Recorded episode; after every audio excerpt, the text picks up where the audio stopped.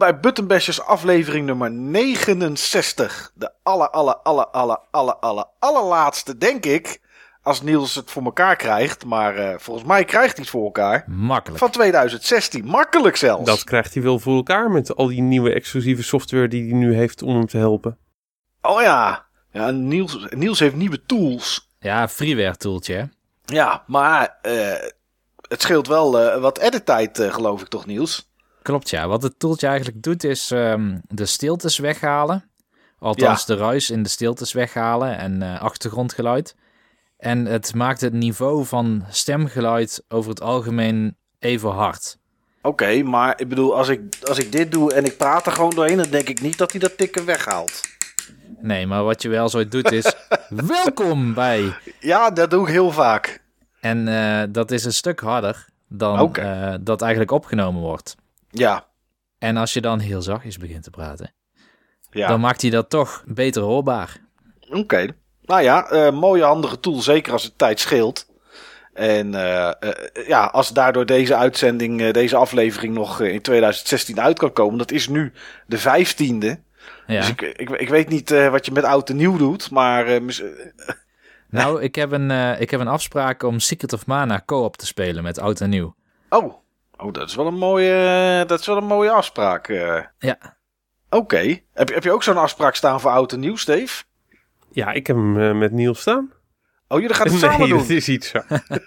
nou ja, had gekund toch? Maar, maar jij vond Secret of Mana het helemaal niet leuk, Niels? Uh, ik vond Secret of Mana ver overrated. Maar ik zei niet dat ik het niet leuk vond. Oké. Okay. Okay. Waarschijnlijk vindt Niels oud en nieuw ook niet leuk. Dus ik denk dat het wel goed samen gaat. Dus, je, dus jij gaat gewoon urenlang zeg maar, je balkje opladen... dat je dan eindelijk kan slaan met je zwaardje. Of je speer. Ja. Of je boemerang. Nou ja, het is, uh, het is wel weer eens wat anders. Ik bedoel, ik zit gewoon achter zo'n plaatgril, oliebollen en vuurwerk. En waarschijnlijk 0 euro in de staatsloterij. Dat is ongeveer uh, hoe mijn uh, oud en nieuw eruit zal zien. En om, om, om 5 voor 12 van de klok kijken. Ja, op, op RTL. RTL 4. Ja. ja. Waar je dan nog net het staartje ziet van ik hou van Holland. Als ik dat programma zie, dan hou ik er nooit zo van. uh, maar goed, het, uh, ja, we gaan, uh, vandaag gaan we eens kijken. En ik weet helemaal niet hoe dat onderwerp gaat lopen. Maar games die we ooit nog eens wilden spelen. Of opnieuw willen spelen. Die we misschien hebben. Of die we nog niet in onze collectie hebben. Dus kijken wat daarvoor. Uh, misschien, ja, misschien nog wel hidden gems uh, tussen zitten. Uh, maar ja, goed. Steve heeft vakantie, weet ik. Ja. Dus ja, Steve. Dus Steve zal ook er wel extreem veel gespeeld hebben. Ja, dat hoop ik. ik ga, we gaan er snel achter komen. Muziek, Niels. We gaan op naar de Game Talk.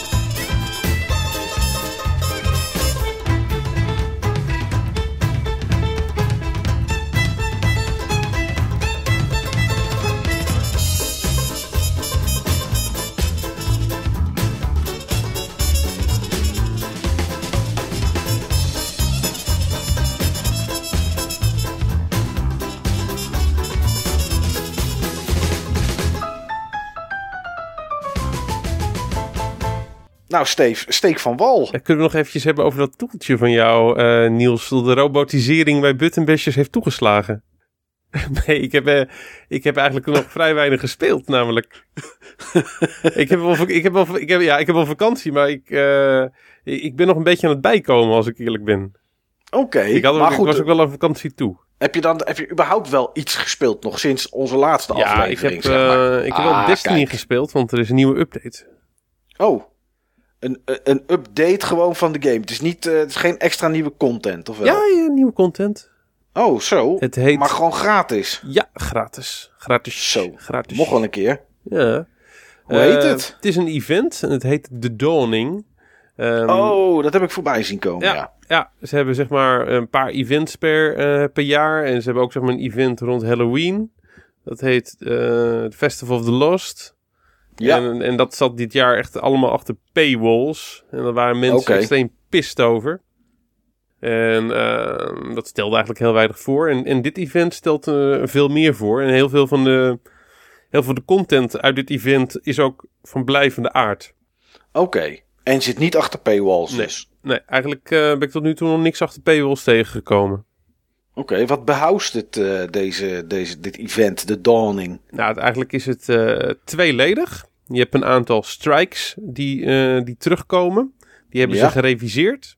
En ze hebben de strikes, ze, een belangrijk stuk content wat je opnieuw speelt, continu opnieuw speelt. helemaal, in, helemaal in het thema van het hoofdonderwerp. Um, die hebben ze nu voorzien van, uh, van strike scoring. Van dat je zeg maar uh, ja, uh, allerlei soorten medals kan verdienen tijdens die strikes. En er zijn weer bounties mee, mee gepaard.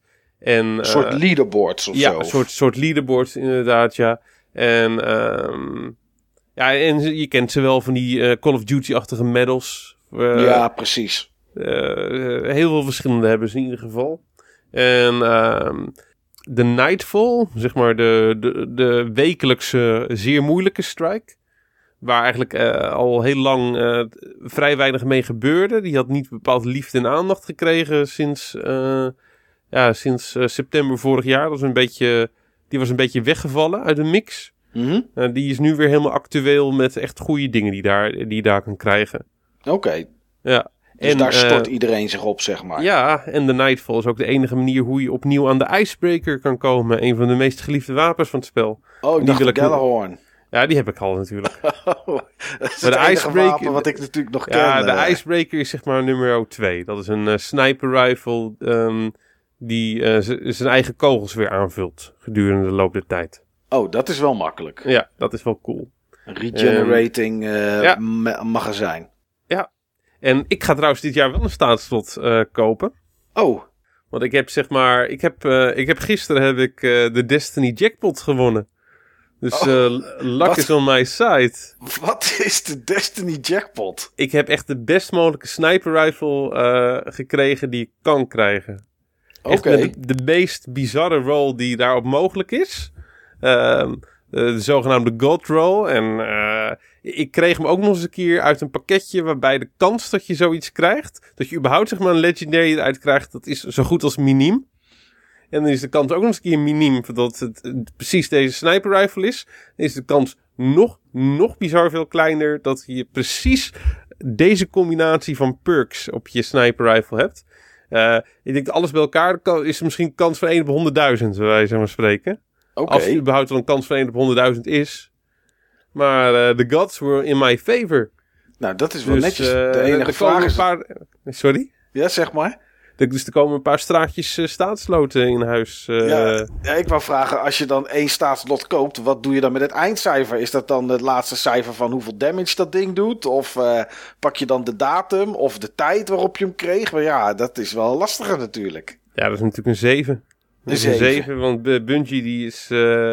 Bungie heeft allemaal altijd verborgen symboliek aan het cijfer 7 in zijn games meegegeven. ook in Halo trouwens.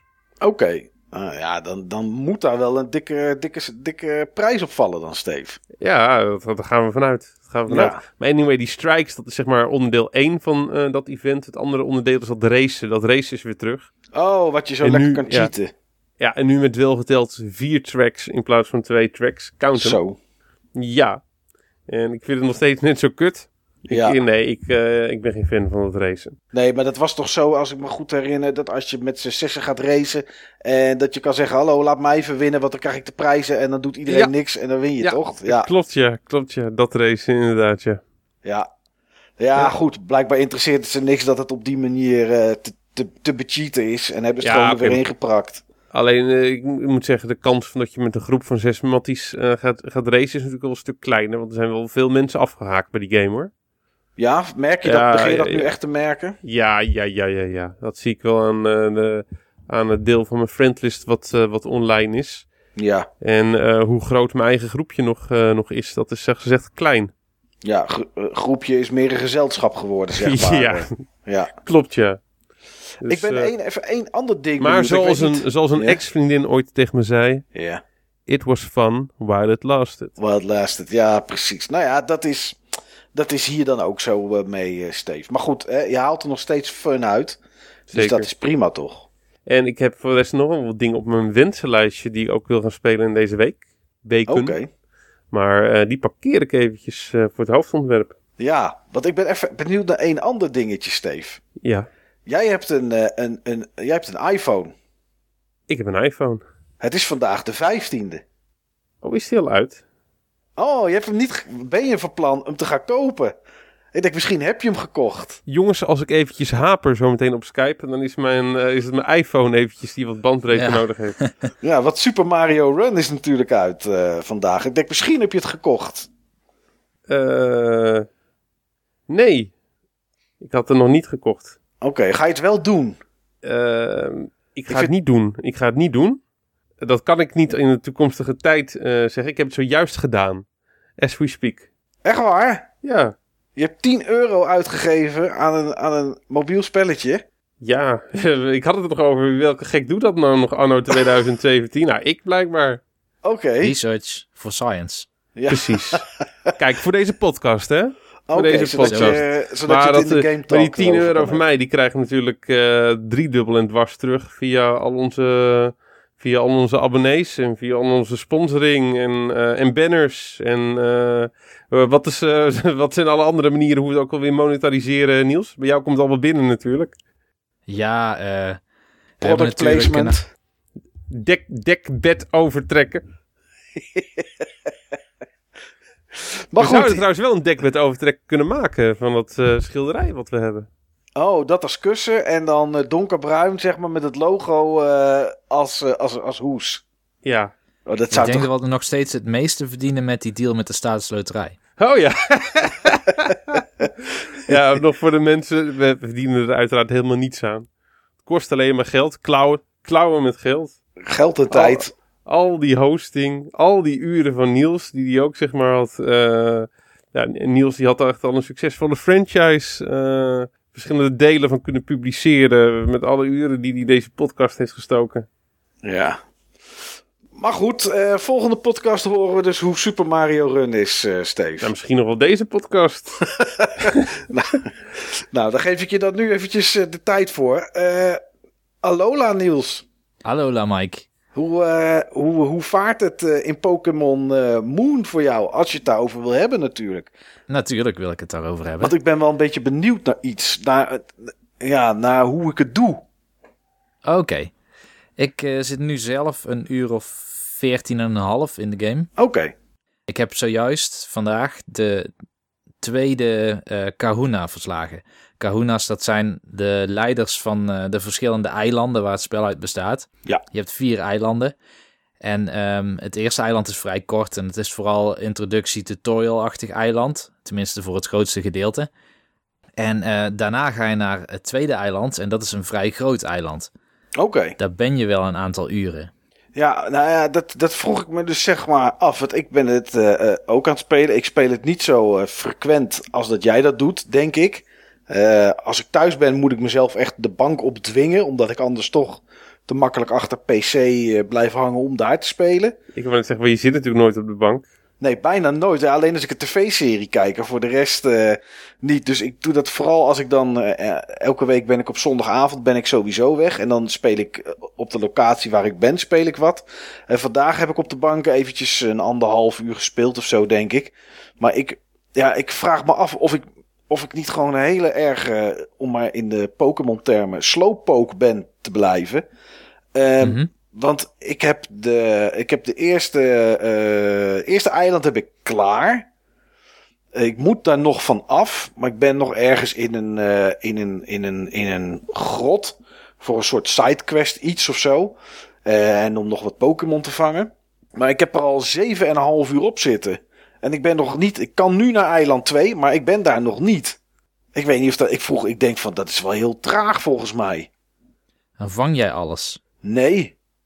Nee, ik vang, ik vang niet alles. Ik, uh, ja, ik heb eigenlijk gewoon die, die, die routes gedaan. Route 1, 2 en 3. En uh, ik heb niet al te veel rondgekeken. Ik heb geen kleren gekocht. Dat, dat vind ik onzin. Dat, zolang het geen stats heeft, ga ik geen kleren kopen. Daar heb ik toch niks aan. Uh, ik heb geen battle verloren. Ik win alle battles vrij makkelijk. Wat mijn, mijn, uh, ik heb nog steeds die water Pokémon, die uh, Poplio of zo, waar ik mee begon. Die is wel geëvalueerd naar Brionne of zo. Of ik weet niet. Uh, pff, volgens mij heet dat ding zo inmiddels. Ja. Uh, die is level 20. Ja, weet je, ik krijg. Ik geloof dat tegen die, wat was het, die Kahu of Kalu, of heet zo'n eilandbaas? Kahuna. Kahuna. Um, heb ik met, die kwam volgens mij met twee Pokémon aan, of met drie. Ja, die heb ik allemaal met één Pokémon van mij verslagen. Het is echt, ik, ik, je loopt er echt met mijn ogen dicht doorheen. Ik vind het totaal geen moeilijke game. Maar ik heb niet onwijs lopen grinden of zo of wat dan ook. Ik ben wel overal geweest, Kerkhof en weet ik wat allemaal. Ja, 7,5 uur. Uh, ik geloof dat ik 19 of 20 Pokémon gevangen heb. Verschillende geloof ik. En ja, en, ik ben nu klaar op eiland 1 pas. Ja, dan uh, ik denk dat je je tijd goed neemt zo. Oké. Okay. Maar goed. Ja, maar uh, hoe vermaak je je met de game? Ja, ik vind, het alleen, ik vind het wel leuk om te spelen, moet ik zeggen. Uh, ik vind alleen, ja, wel wat ik net zei, wel een beetje makkelijk. Ja, dat komt ook omdat, ja, ik krijg level 14 Pokémon tegenover me. En ik sta daar dan met een level 20. 21 nu inmiddels, trouwens. Ja, ik doe twee aanvallen en, en het, is, het is gebeurd. Ik hoef geen Z-moves te gebruiken. Uh, ja, het gaat allemaal wel heel makkelijk. Ah, ik, ik loop sowieso met een party van zes Pokémon. Ik denk, ja, weet je, alles wat ik mee kan nemen, neem ik mee. En dan levelt het ook allemaal leuk op. Ik zie ook niet in waarom ik nog zou gaan switchen. Kijk, als je het heel veel gespeeld hebt en je hebt de voorgaande delen gespeeld, dan kan ik me voorstellen dat je denkt, oh, dit zijn mijn favoriete Pokémon. Dus uh, zodra ik die tegenkom, ga ik die levelen en, en geef ik die de moves waar, uh, die ik tof vind. En dan ga ik daar voor de rest mee, uh, mee verder spelen. Maar ik zie ook geen reden. Dan vang ik weer een Pokémon. Ja, die is dan level 11. Dan denk ik, ja, die ga ik niet swappen voor een level 18 of 19. Dus ja, weet je, ik zie ook niet helemaal het nut voor mij er nog van in om te wisselen. Het is ook nee, uh, gotta catch them all en niet gotta, gotta train them all. Nee, is ook zo. Maar ja, ook daar met, ik, tuurlijk, gotta catch them all is het natuurlijk wel leuk. Maar ik denk niet dat ik dat onwijs ga lopen doen of zo. Uh, ik, ik vind het verhaaltje leuk. Tenminste, tot nu toe is wel, is wel aardig. Hè. Ik geloof dat er nog twists in zitten, als ik het begrepen heb. Uh, en ik vind het wel leuk dat het niet allemaal Pokémon zijn die door het gras lopen en de opdrachten zijn. Hebben ze toch nog wel redelijk wat variatie in kunnen brengen. Tot op heden. Dus dat, weet je, ik vermaak me op zich wel, maar echt moeilijk is het niet. Nee, dat vond ik in het begin ook. Maar uh, ik heb toch twee keer op dit moment op het randje van de game over gestaan. Oké. Maar mijn Pokémon zijn level 24 tot en met 30 op het moment. Hmm. Ja, nou, dan moet ik ook makkelijk wel aankomen, denk ik. Ik ben nu 21 na 7,5 uur. Je hebt ook nog geen Pokémon gehad die uh, super effectief zijn tegen die van jou. Uh... Want je hebt waarschijnlijk uh, in ieder geval je water Pokémon waarmee je bent gestart. Ja. Die is zwak voor Lightning. Ja, Lightning. Ik, ik, heb wel, ik, heb wel, ik heb wel een Pikachu tegenover me gehad. Oké. Die, want die heb ik zelf ook al gevangen. Ehm maar dat is het, denk ik. Oké, en de rest is waarschijnlijk meer ground of grass type. Ja, of uh, vlieg, vliegdingen heb ik natuurlijk wel. Van die, van die seagulls heb ik tegen me gehad. En ik heb ergens een, een groomer of zo heet dat ding. Of weet ik veel wat. Die, die, die poison doet. De blob, zeg maar. Ja, zo'n soort lopende moddervlek, zeg maar. Die, uh, die, heb ik, uh, die heb ik wel gescoord. En een of andere figuur, ik weet die namen niet, sorry iedereen die luistert. Maar zo'n figuur met van die pompoenen in, in zijn handen. En als hij tegen elkaar wrijft, komt er elektriciteit vrij, geloof ik. Ik ben wel van alles al tegengekomen. Maar ik heb nog niet. Nee, ik heb nog niet. Ik heb, ben, ik heb nog geen enkel moment gevaar geproefd. Nee, volgens mij is dat normaal. Oké. Oh, dan doe ik het goed. Ja, dat, het, het wordt echt nog moeilijker wanneer je je hele team, bij wijze van spreken, gewiped kan worden door één beestje wat een keer uh, te hulp komt bij een andere Pokémon waar je tegen aan het vechten bent. Ja. Nou ja, goed, dan weet ik in ieder geval hoe ik het doe. Maar hoe doe jij het verder, Niels? Hoe, hoe bevalt het jou? Mij bevalt het best wel goed eigenlijk tot nu toe. Ik zat net te denken ook dat zo'n Pokémon game voelt als een soort vakantie. Want het is... het is goedkoper dan een vakantie naar Hawaii. Het is absoluut goedkoper dan een vakantie naar Hawaii. Maar ehm, ehm, ja, het is, het is zo'n mooie wereld die ze hebben gemaakt. Met zoveel, ja, ik hou zelf best wel veel van wandelroutes als ik op vakantie ben. Ja. Daar kies ik ook vaak wel uit om zoiets op een dag te doen.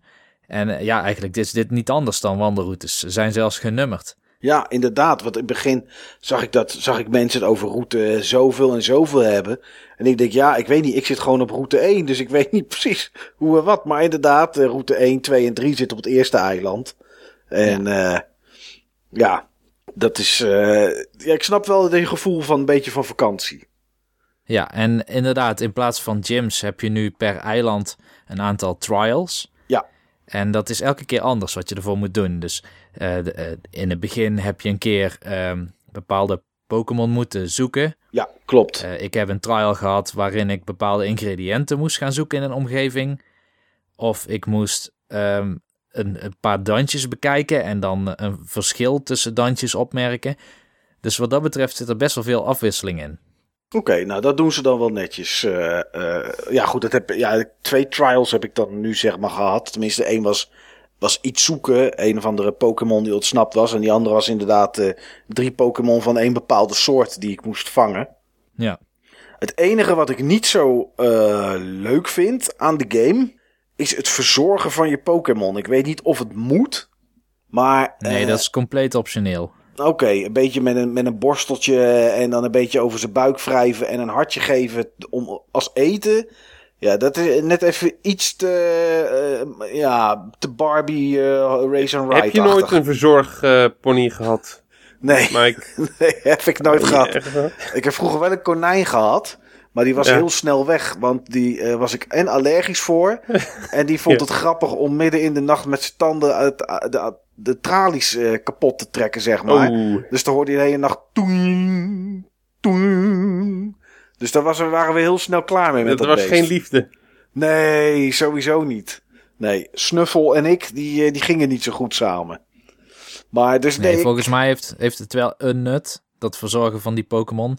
Maar dat is om uh, hun affectie naar jou te verbeteren. Ja, maar ik, ik vraag me dan af, heb ik het echt nodig dat ik straks uh, complete vijf hartjes affection heb met, met een Pokémon? Ik bedoel, wat, wat is het nut? Dat weet ik eigenlijk niet meer. Ik kan me nog wel herinneren uit vorige Pokémon-titles dat een Pokémon kan weigeren om iets te doen voor je.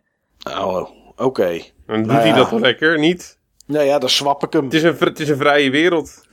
ja, nou niet voor Pokémon, hè. Die worden gewoon gevangen. nee, niet, niet voor Pokémon.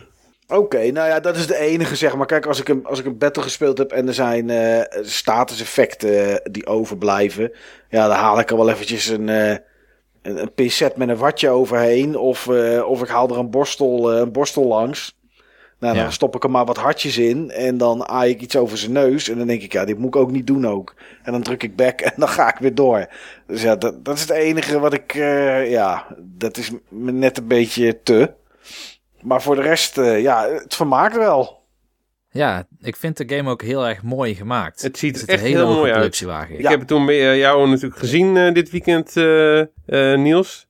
En bij Joey en bij, bij Roel. Het was een beetje de obsessie van dit weekend. Ja. nee, het is ook mooi. Ja, het, is duidelijk het... dat, dat, het is duidelijk dat mensen er heel erg fan van zijn die Pokémon leuk vinden. Ja, het enige wat ik wel jammer vind is dat, dat je wel wat slowdowns ziet. In oh, de game. absoluut. Ja. Wacht maar tot je battles hebt met vier Pokémon tegelijk. Waar dan ook nog trainers bij staan. Ja, dan, maar jullie uh... hebben het allemaal op de oude 3DS gespeeld, hè? Niet zeg maar op de new 3DS. Nee, Nee. Ik heb gewoon de oude 3DS, de allereerste, niet XL, zeg maar. Uh, die, die heb ik. Dus, uh, nee, ja, maar goed, dat heb je nu al inderdaad. Als er een tweede Pokémon bij komt en je hebt dan je menu waaruit je moet gaan kiezen wat je move is. En dan zie je wat animatie bij die Z-move ook erbij en zo. Ja, dan zie je wel dat het daar, uh, dat het daar wat hapert en stottert, inderdaad. Maar goed, ja, niks aan te doen. Het systeem kan niet beter. Dus, nee, ik, dit haalt denk ik echt het maximale eruit. Ja, ja. Ah, tijd voor de Switch dan maar, hè? Ja, wat mij betreft wel. Of gewoon alleen nog maar Nintendo games spelen op je mobieltje. Ja, ja, wie weet wordt dat het wel. Want dit ziet er prima uit, moet ik zeggen. Ja. Oh, hij draait al. Ja, ja. Oh, ik, hij heeft al uh, Super Mario Mario ik, zit ik zit al in mijn derde level, jongens. Oh, kijk eens zeg maar. Dat gaat goed. Ja. Maar echt, uh, ik ben echt helemaal gechoqueerd hoor. Van het feit dat je het gekocht hebt. Ja, dat ook. Ik heb nu nog niet gekocht hoor. Ik, heb het alleen, ik, ik zit als ik eerlijk ben alleen nog maar in de gratis versie. Je, Oh, de eerste er. vier levels zijn gratis. Oh, oké. De eerste wereld is gratis en pa- pas daarna hoef je te betalen. Nou, dat is wel weer slim. Ja, maar waardoor ik helemaal geschokt ben. Het eerste wat je zeg maar ziet wanneer je bent eh, ingelogd in die game. Is een eh, sexual common van, eh, van Peach. Wat zegt ze dan? Ik heb even een screenshotje genomen. Ja. Lieve Mario, heb je zin in een feestje bij mij in het kasteel? Ik heb speciaal taart gebakken. Tot zo. Oh. Nou, als dit geen sexual common is, dan weet ik het nog niet hoor. Ja, dit is een eh, regelrechte booty call. eh. Ja, dit is een booty call hoor. maar eh, ja. Ja, en we weten nu ook precies wat er gebeurt met, met wanneer ze ontvoerd is door Bowser. Want die zegt, wahaha, ik ga vast een stukje taart halen. Ik neem Peach gelijk mee. Ja. Ja, echt. nou, we weten natuurlijk allemaal eh, wat voor eufemisme dat, eh, dat is in het, eh, in het Engels. Ja. Een stukje taart. Ja. Dus ja, als dit geen sexual common is, dan weet ik het niet. Maar ik moet zeggen, het ziet echt goed uit. Ja, ik heb, zag het laatste ergens, eh, zag ik een filmpje inderdaad online. En het zag, er wel, het zag er wel leuk uit. Maar ik, Ja, het is haar en haarscherp. Ja. Het is, het is wel echt anders dan je gewend bent van Mario. Maar er zijn wel zeg maar, die- meerdere routes ook per level. Dat vind ik ja, dan wel leuk Ja, gedaan. ja, ja, ja. Dat, eh, daar was ik inmiddels wel achter, want ik mis echt heel veel munten. Ja. En bij sommige dingen vraag ik me echt af van waar, waar- wanneer moet ik dan in hemelsnaam springen om daarop te komen? Ja. en Nou sommige, ja. eh, volgens mij is het echt uitgesloten van dat je alles gewoon pakt. Dat kan bijna gewoon niet. Of, of ik moet gewoon eens wat filmpjes zien op YouTube. Maar dat mensen ingenieuze wijze hebben waarmee ze een stap terug kunnen doen. Maar je, volgens mij moet je echt keuzes maken over wat je pakt en wat je niet pakt. Ik dacht dat er een manier was om te draaien en dat je de andere kant op ging rennen. Eh, Maar dat weet ik niet zeker. Dat dacht ik gezien te Ik hebben. heb hem nog niet gevonden. Nou, misschien ik moet je daarvoor voor betalen weer extra. ik, ik heb wel een manier gevonden hoe je kan vertragen. Dan moet je zeg maar eh, naar links eh, met je duim scrollen. Oké. Nou ja, misschien eh 10 euro unlockt alle wereld, eh, werelden en voor 5 euro kan je er ook omdraaien. Ik, Ja, dat eh, lijkt me een mooie manier om dit te monetariseren. het zou me maar het ziet, echt, het ziet echt zeer goed uit, moet ik zeggen. Oké, maar dat Op is mijn, op mijn iPhone 6 heb ik nog niet eens een top of the bill eh 6S of eh, eh, 6S Plus of een 7. Nee. Maar Maar nee, dus we noemen dit echt wel eh, meer dan scherp. ja, nou ja, mag ook wel voor dat bedrag. Mag je wel iets van kwaliteit verwachten. op dit moment nog niks, hè? Op dit moment heb ik er nog Nee, op dit moment is het nog gratis. Ja. Ehm, nou Niels, ja, zou je nog iets anders over Pokémon eh, wil vertellen? Nee, niet per se over Pokémon. Waarover dan wel? Nou, ik zat laatst in de trein en ik wilde eigenlijk Pokémon gaan spelen. Ja. Maar oh, er eh, komt om in ieder geval een mobile game uit. Er komt een mobile game uit. Wat? Dat, jij het over een mobile game gaat hebben, want je, je zat in de trein. Oh ja, nee, je hebt helemaal gelijk. Het was echt heel erg druk in de trein op dat moment. Dus er stonden heel erg veel mensen. En het voelde voor mij een beetje vreemd om op het moment dat er zoveel mensen moeten staan, om het er dan echt van te nemen. Want jij zat wel. Ik zat wel, ja. Oké. Dus ik dacht, nou ja, weet je, ik kan altijd in ieder geval een game op mijn mobile gaan spelen. Ja. Want ik had laatst nog iets geïns- eh, geïnstalleerd. En eh, dit was het uitgerekende moment, dacht ik, om eh, dat eens te gaan proberen. Nou, En die game, die heet eh, Sarah is Missing. het zegt me wel iets. Het heeft een aantal prijzen gekregen. Dus het kan zijn dat je via die route het kent. De titel kent, ja. Ja. Ik speel niet heel erg vaak spelletjes op mijn mobile. Maar de spellen die ik het liefst speel zijn spellen die augmented reality zijn of alternate reality. Ja. Want dat is natuurlijk helemaal niet vreemd als je in een trein zit die helemaal stampersvol zit. om dan met je telefoon te gaan draaien, Niels. nou, je hoeft niet per se te draaien, hè? Oh, het is niet per se location gebonden. Oké. Het wil alleen maar zeggen dat je iets speelt waar er een, uh, zeg maar een virtuele laag bovenop de realiteit ligt. Ja. Maar wat is het? Uh, het is een, een horror fiction game. Oké. Het is een, een, een soort Telltale-achtige game. Ja. Uh, dat betekent dus dat het vooral een, een narrative game is, een interactive narrative. Alleen je bent hier niet een ander karakter, je bent echt jezelf. Beetje net zoals bij Karen. Ja. Die game waar we het laatst nog over hebben gehad. Ja. En uh, het spel, als je het opstart, zie je alleen maar een Android interface. Met een slide to unlock. Net alsof je, alsof je je device moet unlocken. Klopt. En op het moment dat je dat doet, dan heb je een, een leeg homescreen met maar één knopje dat nog actief is. En dat knopje is van Iris. Dat is eigenlijk Siri, zeg maar. Oh ja ik besef me nu dat het waarschijnlijk een iPhone interface is. Maar het is tegenwoordig bijna niet meer te zien of dat iets iPhone of Android is. Maar in ieder geval, uh, Siri um, vraagt of je de eigenaar bent van de telefoon. En uh, dat ben je niet. Maar je kan dan via de, de text messaging, je kan van alles gewoon intypen. En dat snapt naar een antwoord waarvan de game denkt dat je dat bedoelt. Of je kan uit een lijstje uh, fixed antwoorden kiezen. Oké. Maar de telefoon heeft een eigenaar en die heet Sarah. Maar jij bent niet Sarah. Je hebt gewoon deze telefoon en je, ja, je hebt die gevonden. Ik zie het hier inderdaad staan. Ik ben hem ondertussen aan het downloaden. Net zoals dat Steve net wat aan het downloaden was. Want zie dat het een gratis game is. Het is een gratis game. En er staat, je vindt de telefoon die behoort tot een vermist persoon. Wat zou jij doen? Oké, en dan? Je hebt hem geunlocked en, en, en, en, en wat, uh, wat gebeurt er dan?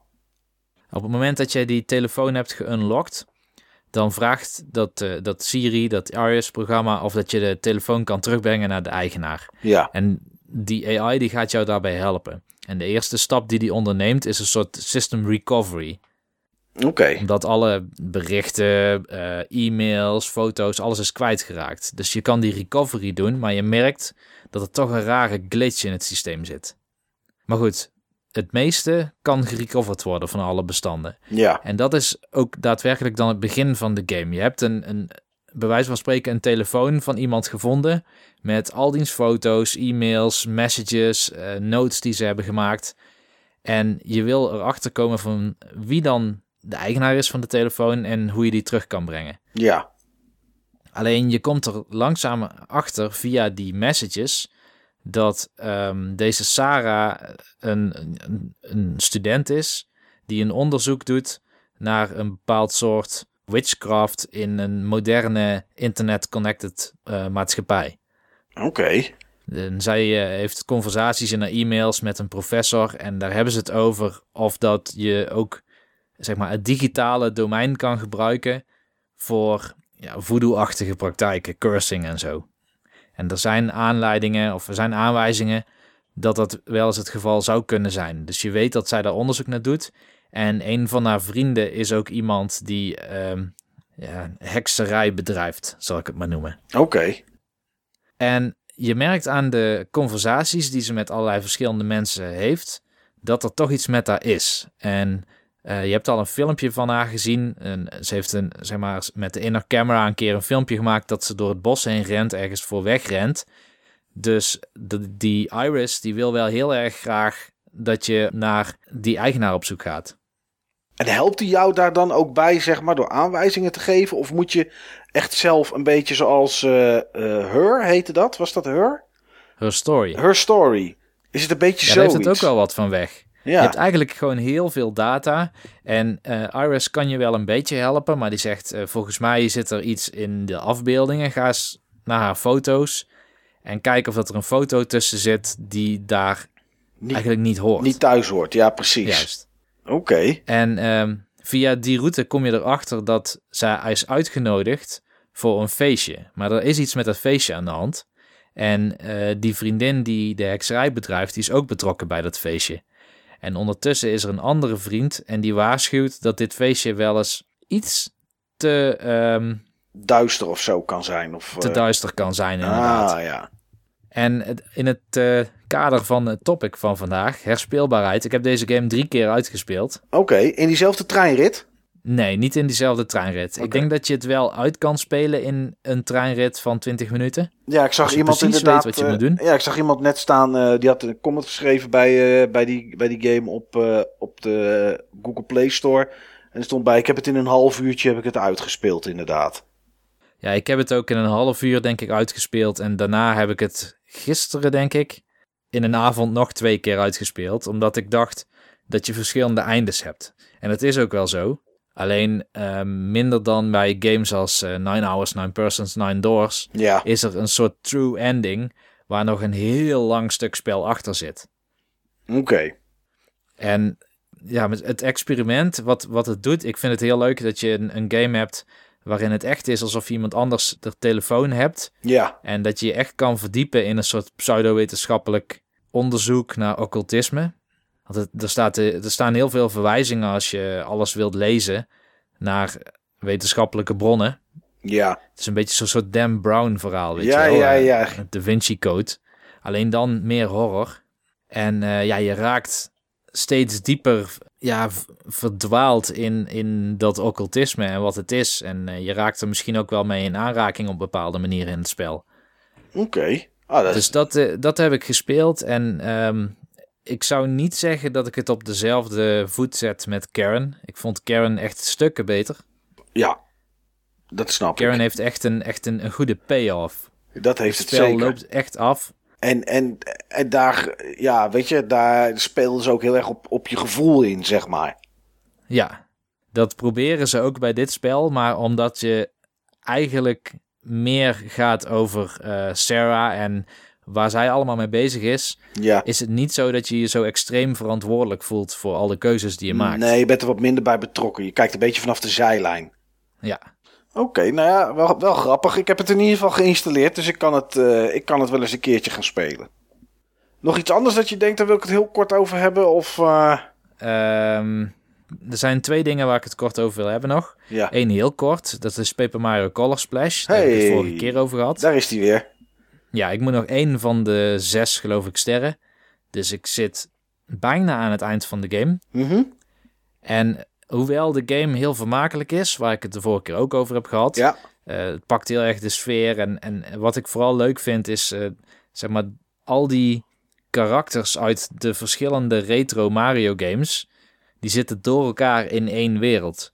Dus je hebt heel veel Shy Guys uit Super Mario Bros. 2. Tegelijkertijd heb je de Koopalings uit Super Mario Bros. 3 die dan de eindbazen zijn van het spel. En uh, je komt ook Super Mario World beestjes tegen.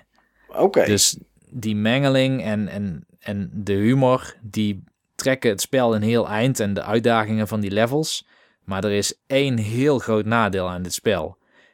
Dat was een nadeel dat ook al aan Stickerstar zat. Ja. Dat is namelijk dat je vaak eindbazen moet verslaan met een bepaalde sticker. Oké. Okay. En dat is prima als je die sticker überhaupt hebt. Ah. Maar als je die hebt gemist, of als je door een level bent gelopen en, en je loopt langs een prop die blijkbaar een sticker is, maar dat heb je zo niet bedacht op dat moment, of dat niet herkend, want je ziet het niet als een sticker, maar meestal loop je door een level en dan uh, bijvoorbeeld ik had ballonnen nodig voor een eindbaas om een onderzeeër uh, boven water te krijgen. Oké. Okay. Alleen die ballonnen, ik had geen idee waar ik die moest gaan zoeken in meer dan 30 levels. En dat zijn levels waarvan je denkt dat je ze tot de pixel uit hebt geplozen. Alleen, ja, blijkbaar hingen ergens ballonnen. Dat zag ik als gewoon een decoratieprop of zo. Ja. Maar in Paper Mario Color Splash kun je props uitwringen en worden het kaarten. Hoe wist je dan dat je die ballonnen nodig had? Na uh, vijf of zes keer af te gaan bij die eindbaas, alles geprobeerd te hebben qua kaarten, ja. heb ik het gewoon opgezocht. Oké, okay, want het wordt je niet verteld. En er is geen nee. andere manier om die eindbaas te verslaan dus. Nou, er wordt volgens mij wel iets gesuggereerd. Maar op het moment dat je geen ballon hebt, ja. dan pak je die clues ook niet zomaar op. Nee, snap ik. Als het iets is wat je in je inventory hebt, dan, uh, uh, ja, dan denk je van, oh ja, tuurlijk, ik heb wel iets. Ja. Maar als je het eerder was tegengekomen en je dacht, hé, hey, dit kan ik misschien nog eens een keer ergens gebruiken, had je het waarschijnlijk al meegenomen. Klopt. Ja, Oké. Dus hoewel het een vermakelijke game is, ik denk niet dat we nog iets terug over horen bij uh, de Game of the Year aflevering volgende keer. Je had trouwens echt precies hetzelfde kritiekpunt inderdaad op die, uh, op die vorige game, hè? Met die, ja, met die stickers. Het is jammer toch dat ze dit dan niet fixen. Ze hebben heel veel wel gefixt, maar dit was misschien wel mijn grootste irritatie aan die game toen. En het is weer precies zo. Ja. Maar ja, er is wel een game die wel echt heel leuk is. En die ben ik gaan spelen omdat toen ik bij jou was, Mike. Mm Toen hebben we natuurlijk Gears of War 4 gedaan. Ja, hebben we het nog steeds niet over gehad, hè? Spannend, hè? komt misschien nog wel. Ik weet zeker. Oké, komt nog wel. Um, en we hebben een aantal Amiga games gedaan. Ja. En we hebben een game niet gedaan, maar jij zei hier ben ik echt heel erg benieuwd naar. Dat was een game waar jij, die jij zeker zou willen gaan spelen. PC-only game op dat moment. Inmiddels is hij volgens mij ook voor consoles uit. Ja, Alleen PS4. Is heel glitchy. Oké. Ja, hij, hij crasht heel erg vaak. Oké, maar dat is inderdaad een game die uh, uh, op mijn whiteboard, waar we het zo meteen over gaan hebben.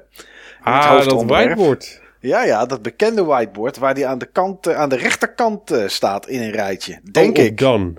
Op dan. Of, of heb je dat niet, inge heb jij niet opgezet als scrumboard? Nee, nee ik, heb, ik, heb hem, uh, ik heb twee rijtjes. En de ene is, moet ik nog kopen? En de andere is, wil ik nog een keer of wil ik spelen? En, en schrijf je echt op je whiteboard of plak je de geeltjes op? Nee, dat doe ik niet. Dat doe ik niet. Ik doe echt schrijven. Ik heb een rode en een, en een zwarte stift. En de rode is, uh, is de koopkleur en de zwarte is de speelkleur. Ik heb hem zien hangen, Steve. Ja, hij hangt er echt. staat echt. Maar dan weet ik welke game dat is, uh, Niels. Het begint ja, maar met die heb ik niet gespeeld. Oh, je hebt, het begint met een S. Juist, Stardew Valley. Ja, waarom begin je er dan over? Nou, ik heb een spel gespeeld waar die op gebaseerd is. Oh, hoe heet het ook alweer? Ik vergeet. Ja, je hebt uh, Harvest Moon natuurlijk. Ja. Maar diezelfde maker, Marvelous, die heeft daarna een andere serie gemaakt. En dit heet uh, Rune Factory. Die bedoel ik. Ja, ik kan die naam ik kan nooit onthouden. Maar inderdaad, die. Rune Factory 4 heb ik gespeeld. Is dat de laatste? Dat is de laatste, inderdaad. Oké. Volgens mij ook een van hun allerlaatste games voordat ze gestopt waren. Ja, er is wel ooit een tease geweest voor Rune Factory 5. Maar dat is er dan waarschijnlijk nooit van gekomen. Ik denk het niet, inderdaad. Maar ja, uh, Room Factory is Harvest Moon meets Dungeon Crawling. Ja, voor de 3DS hè? Voor de 3DS inderdaad. Hij is niet fysiek uitgekomen in het Westen. Of volgens mij wel in Amerika, maar niet in Europa. Maar hij was een keer in de aanbieding voor 10, 15 euro. En omdat ik af en toe echt toe ben aan zo'n maintenance game. Ja. Zoals Animal Crossing ook was. Animal Crossing ben ik een jaar mee bezig geweest. Ja, je hebt dat echt lang volgehouden. Mag ik daar direct een klein zijsprongetje op maken? Mhm. Heb jij nog die nieuwe update geprobeerd? Uh, nee, dat is een goede trouwens. Oh, die gaat op het lijstje. Ga ik doen. Ga ik doen. Die gaat op Niels uh, zijn whiteboard. ja. Die gaat op mijn whiteboard.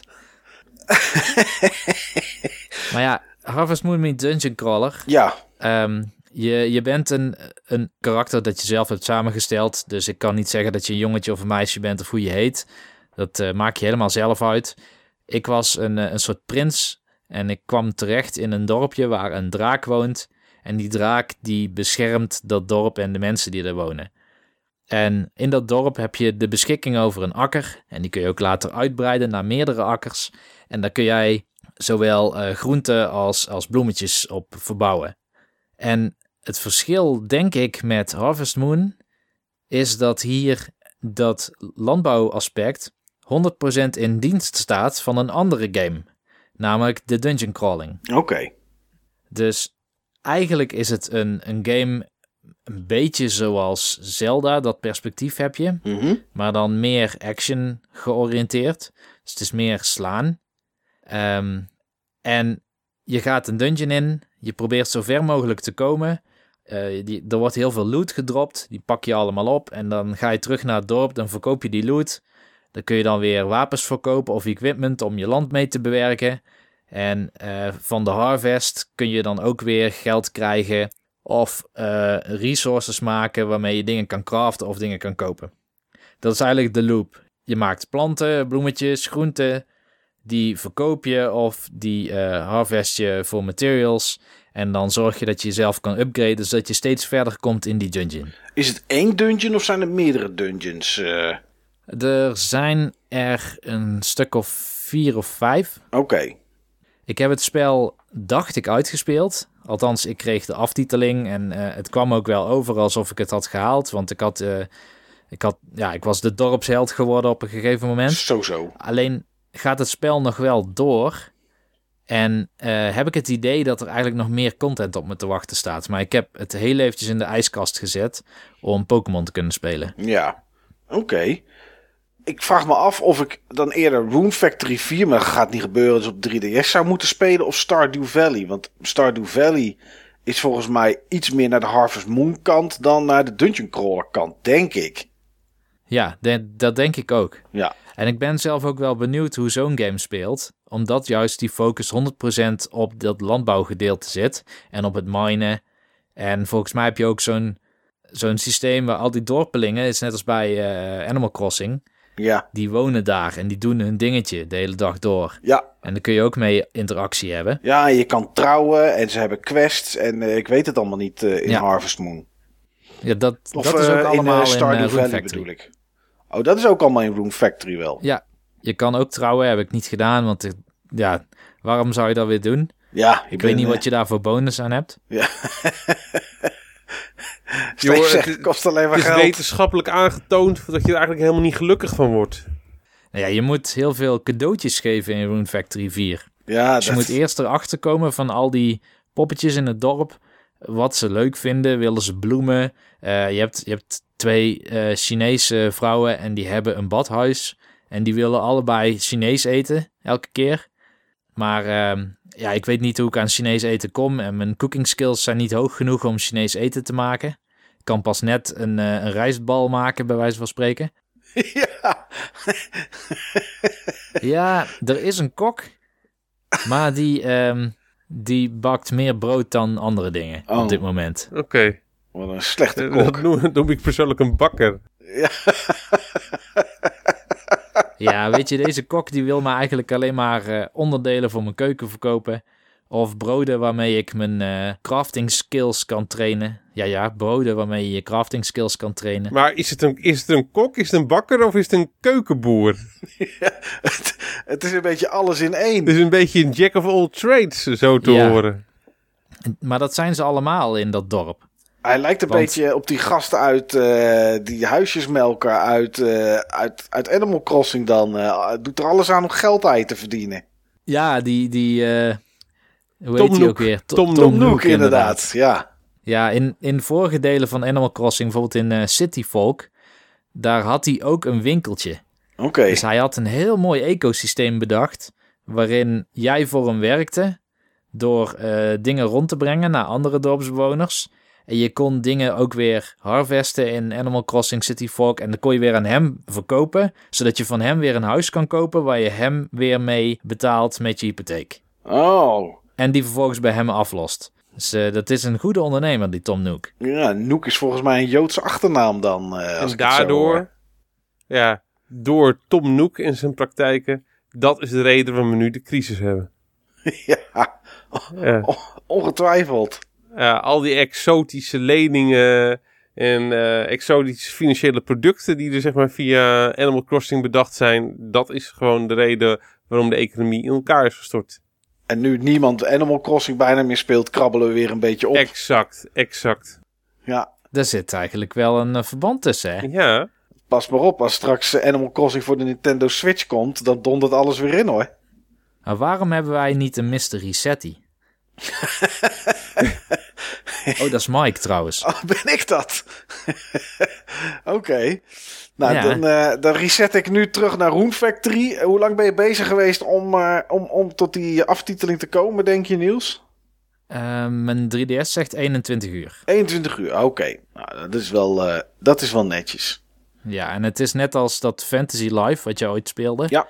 Die heb ik ook, maar daar, ja, ik haakte daartoe van af, omdat je zo verschrikkelijk veel beroepen had en zo verschrikkelijk veel skills om te trainen. Dat was gewoon een MMO qua scope. Ja, dat was. Uh, het, het, zag er heel simpel uit. En het speelde heel makkelijk. En, en daar lag het allemaal niet aan. Maar er waren te veel beroepen waar je tussen kon switchen. En dat ook moest doen. Omdat je die quests wilde halen, zeg maar. Ja. Dus nee, dat was hem op een gegeven moment voor mij ook niet meer. Je hebt bij Rune Factory 4 ook wel veel skills, moet ik zeggen. Ik denk wel meer dan 50. Voor het simpelste ding, bijvoorbeeld water geven is een skill. Of um, je, hebt, je hebt een stuk of twintig weapon Dat snap ik hoor. Ik heb, daar, ik heb daar wel eens cursussen voor gehad, voor water geven. Was dat uh, na of voor je Scrum cursus? dat was... Uh, ja, dat was daarna. Oké. Okay. Ja, ja, ja. er moest nog wat budget op, zeg maar, van de afdeling. Anders krijgen we volgend jaar minder. en ja, ja, wat doe je dan? Ja, cursus water geven. Ja. Aan planten. Ja. Maar ja, dus die skill moet je gewoon leren in die game, Niels. Water geven. Ja, en, en dat koken, dat is echt eigenlijk verschrikkelijk. Want uh, je kan nieuwe recepten leren voor gerechten. Net zoals dat je nieuwe uh, zeg maar, bouwplannen voor wapens of voor armor of zo kan, kan leren. Dat doe je door brood te eten. Ja. Alleen meestal kun je het niet leren omdat je een bepaald skill level nodig hebt. Dus dan moet je ook heel veel maken in de tussentijd. Ook allerlei zut die je zelf niet nodig hebt. Oh jeetje. Dan raak je weer een hoop materialen van kwijt. Dus er zit wel een soort frustrerende ja, hoeveelheid werk in. Een chore, zoals ze dat zouden noemen. Om überhaupt uh, jezelf beter te maken. Ook qua armor. Op een gegeven moment is het zo moeilijk. Het is bijna bijna uh, shoot 'em up-achtig. Die eindbazen die je tegenkomt. Met het ontwijken van allerlei projectielen. En, en uh, ja, het heeft ook wel iets van games als Souls. Waar je maar een heel kort moment hebt om de eindbaas te raken. En als je dat niet precies op dat moment doet. Dan word je waarschijnlijk heel hard tegen je kop aangeslagen. Dus het is best een pittige game. En je moet dus ook dat hele landbouwgebeuren doen. Om, om, ja, om er een beetje fatsoenlijk doorheen te komen. Nou goed, uh, ja, het klinkt als een zware klus, Niels. Ik snap wel dat er geen Room Factory 5 is gekomen dan. Ik weet niet of de vorige delen ook zo waren. Maar uh, ik... Uh... Schijnbaar waren de vorige delen heel slecht. Is dit de enige goede? Oh, nou, dan had iedereen het waarschijnlijk opgegeven bij deel 4. ja.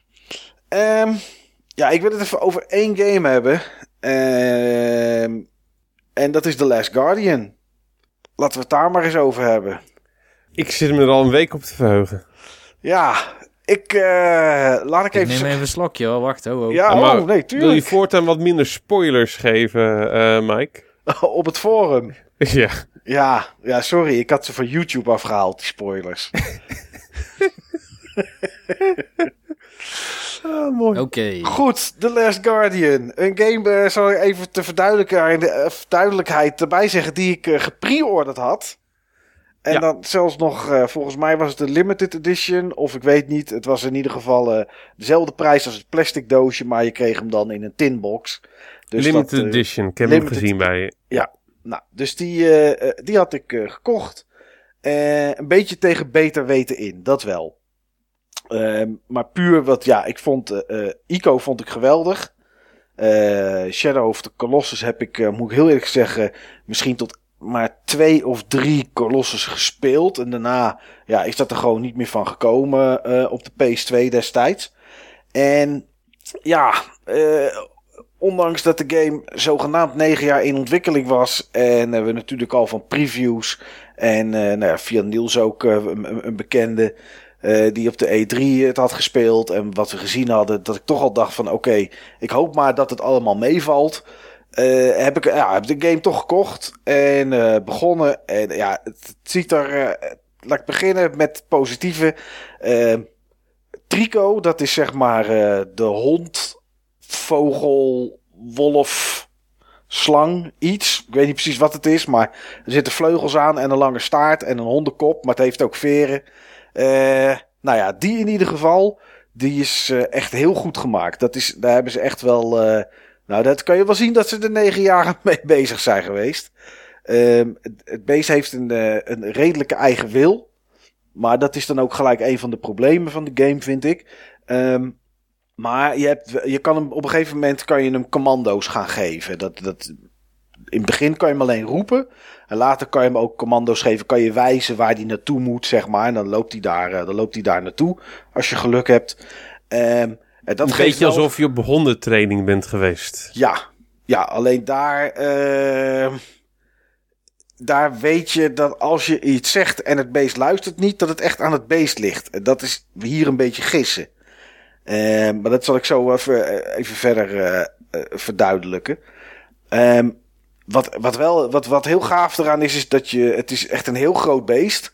En uh, dat geluid maakt het ook als die rondloopt, of als die vliegt, of als die springt. Nou ja, echt vliegen kan niet. Dat kan een soort van zweven, zeg maar.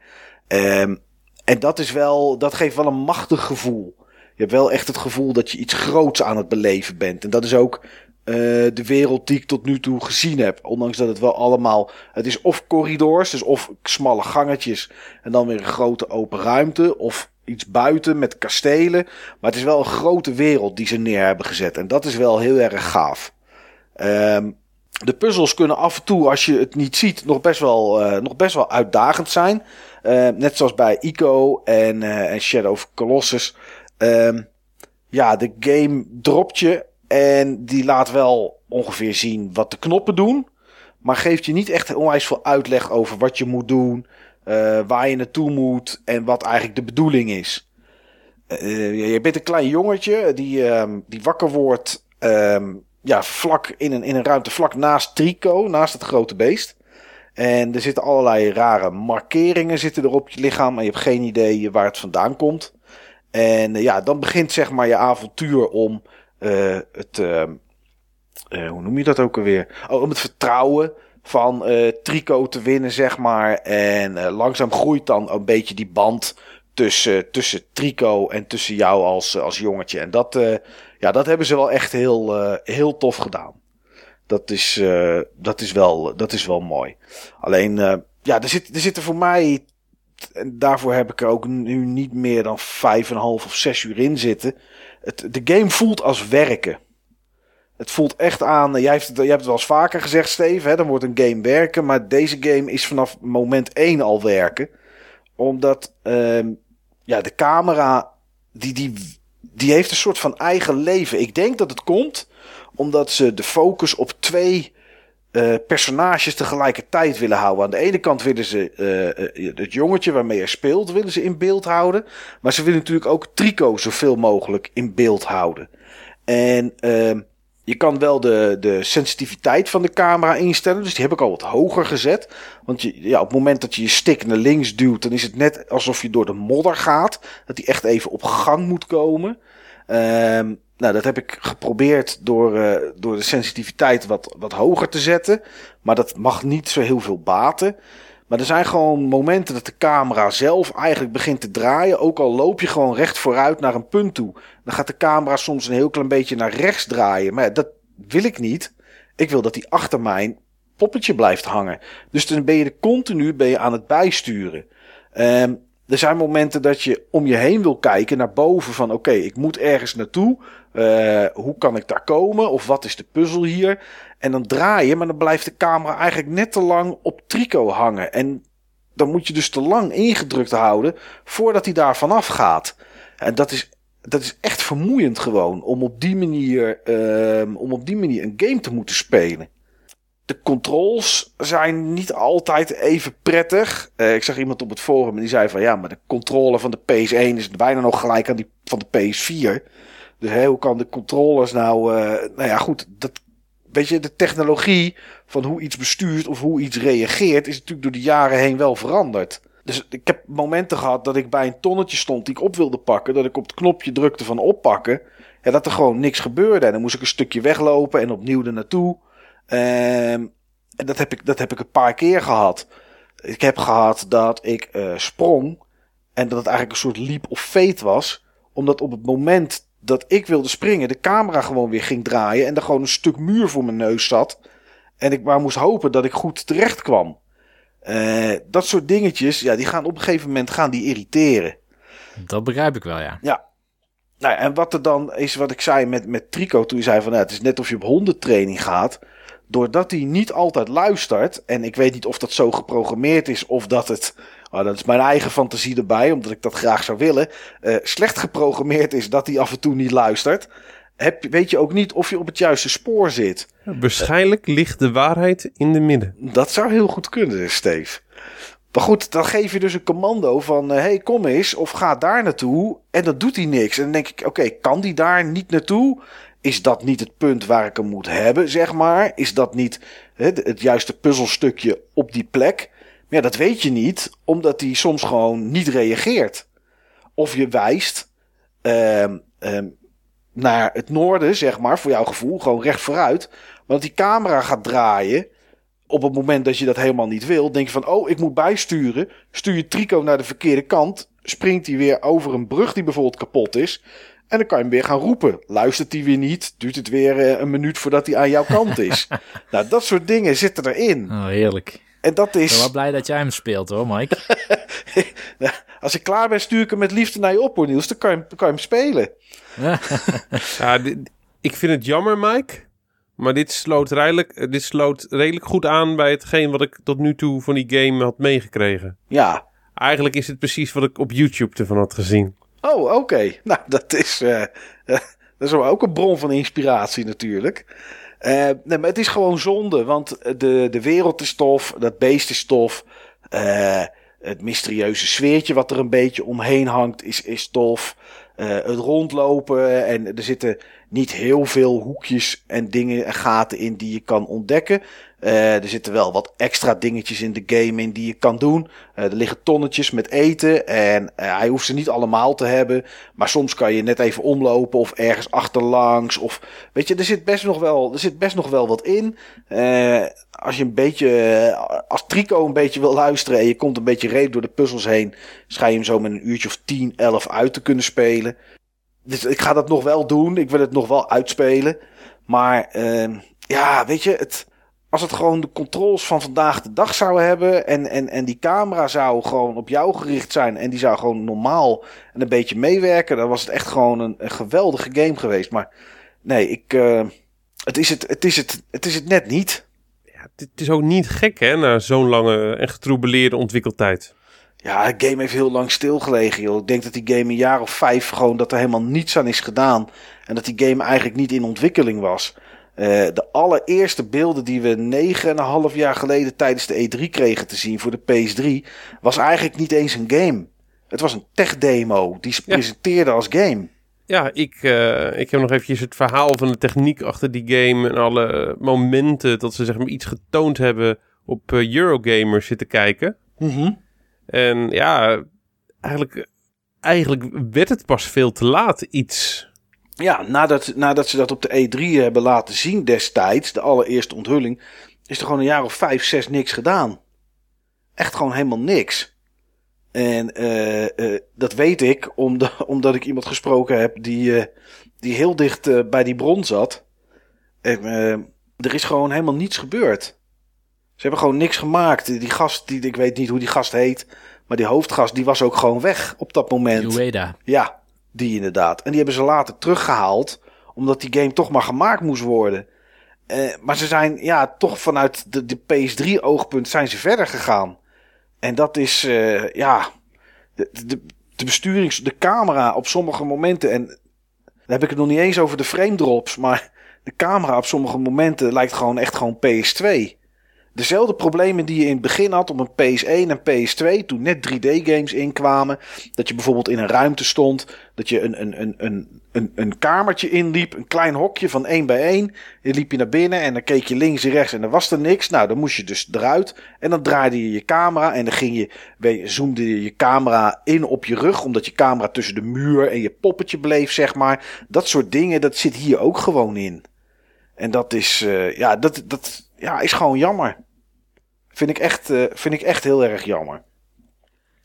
Ik heb wel wat gelezen inderdaad van mensen die, um, die zeiden dat het beest gewoon niet reageert. En eigenlijk dezelfde klacht, min of meer zoals jij het nu omschrijft. Dat je niet weet of dat het nou aan, aan het spel ligt, of hoe het beest is geprogrammeerd, of aan, of aan jou. Ja. Of dat je een actie doet die op dat moment niet geen kan. betekenis heeft in de game. Nee, precies. Precies.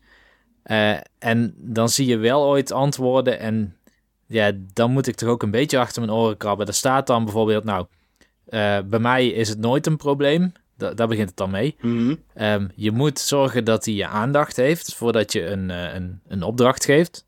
Ja. En als hij dat dan niet doet, dan wacht je vijf minuten. En als hij het dan nog niet doet, dan moet je de game gewoon herstarten. Oh, dat zegt toch eigenlijk genoeg? Bij mij is het nooit een probleem. Nee. Oh, ja. Nou. Zo mooi, zo mooi. Ja, oké, dat is... Uh... Ja, dat, dat kan. ja, dat, dat weet je. Um, een, een, een kameraad van mij heeft hem ook gekocht. En uh, die, die kan het niet langer dan een half uur spelen. Want dan, dan, dan werkt het gewoon meer tegen dan mee. Zeg maar. Dan, weet je, dan, is het, dan is het lontje gewoon op. Dus uh, ik zag ook een heleboel mensen op het forum die er totaal geen problemen mee hebben. Of last, of hoe je het ook wil noemen. En die vinden het een geweldige game. Dus ja, er zijn genoeg mensen die, uh, die of daar geen last van hebben. Of dat geen probleempunt vinden.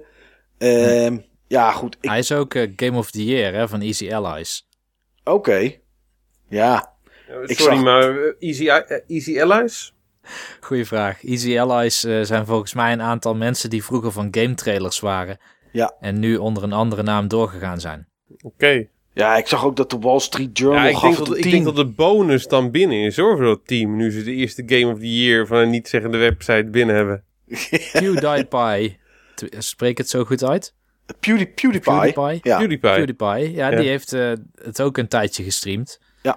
Maar ja, goed. Die gast moet je sowieso niet serieus nemen. Want die zou zijn YouTube-kanaal uh, deleten als die 50 miljoen subscribers had. En dat zei hij heel serieus. En dat deed hij natuurlijk ook niet. Dat was ook alleen Tuurlijk maar een media stunt.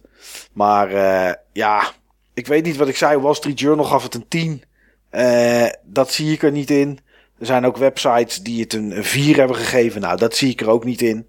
Maar ja, ik weet het niet. Het, laat ik het voorzichtig afsluiten door te zeggen: misschien is het dan geen game voor mij. Het is wel een game die ik ooit een keer wil gaan proberen. Dat snap maar ik. Maar dan niet voor die prijs waar die nu voor in de winkel ligt. Nee, niet voor 60 euro.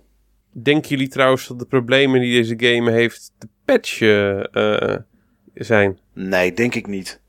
Eerlijk gezegd, kijk, er zijn framerate problemen. Uh, Eurogamer had een filmpje waarbij uh, ze hem op een PS4 basis zeg maar hadden gedraaid. En op een Pro op 1080p en op een Pro op 4K.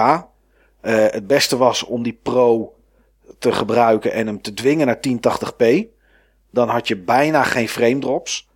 ik zie ze echt als ik aan het spelen ben. En soms op hele rare momenten. Dat je denkt van, nee, ik loop in een smal gangetje. Waarom moet het hier gebeuren? En niet buiten als, dat, uh, als, als Trico aan het rondlopen is en een beetje aan het springen is. Ook dan gebeurt het soms.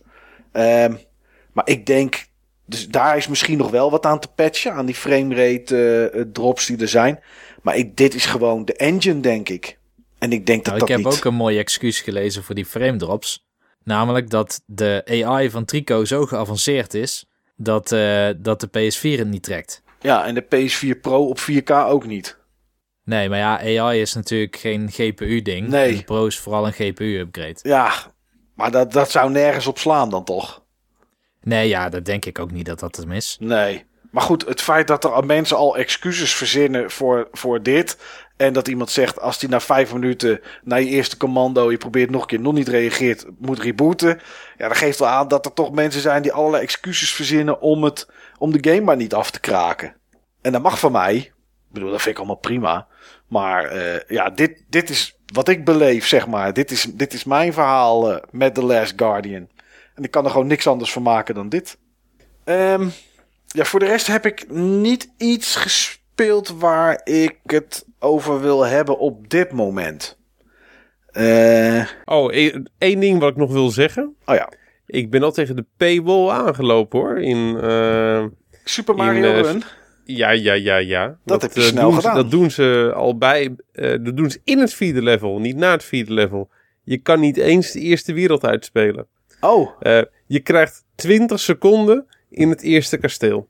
Oh, en als je het niet binnen 20 seconden uitspeelt, wat nee, waarschijnlijk dat niet kan. Dat kan niet. Oké. Okay. Dus het is gewoon, zeg maar, eventjes, je kan het eerste kasteel zien. Ja. En dan moet je de portemonnee trekken. En uh, wat mij opviel, was dat je uh, op het moment dat je het koopt, krijg je bonus bij aankoop 20 race tickets, 3000 munten en een vraagtekenblok. Oh dus jee. ik verwacht eigenlijk ook nog eens een keer microtransactions. Dat zou zomaar kunnen. Ben je nou niet heel benieuwd wat er in dat vraagtekenblok zit? ja, ik ben heel benieuwd wat er in het vraagtekenblok zit. Ik dus, ook. Uh, Kunnen, Niels, die creditcard. Is het misschien een idee? euro. Uh, is het eh, misschien een idee, Niels, dat wij de man zeg maar 3 euro betalen om er met z'n allen achter te komen wat er in dat vraagteken zit? Of ben je toch weer niet zo nieuwsgierig? Ik zou zeggen, show me the money. nou, Steve, mocht je toch tot aankopen overgaan, dan hoor je hoort het als uh, eerste. Ja, en geef je rekeningnummer maar door. Ja. Um, ja, we gaan naar het hoofdonderwerp. We gaan eens uh, kijken wat voor games wij allemaal nog op onze to-do-lijst hebben staan. Of die we misschien nog een keer willen spelen. En Steve zei al dat hij daar wel uh, nog wat voor had bewaard. ik ook, want ik ben inmiddels ook aan iets begonnen. En uh, nou Niels, jij hebt vast ook nog wel een rijtje aan games die je eigenlijk nog eens een keer wil spelen of her wil spelen. Dus uh, laten we eens eventjes uh, onze, onze krochten induiken met z'n allen.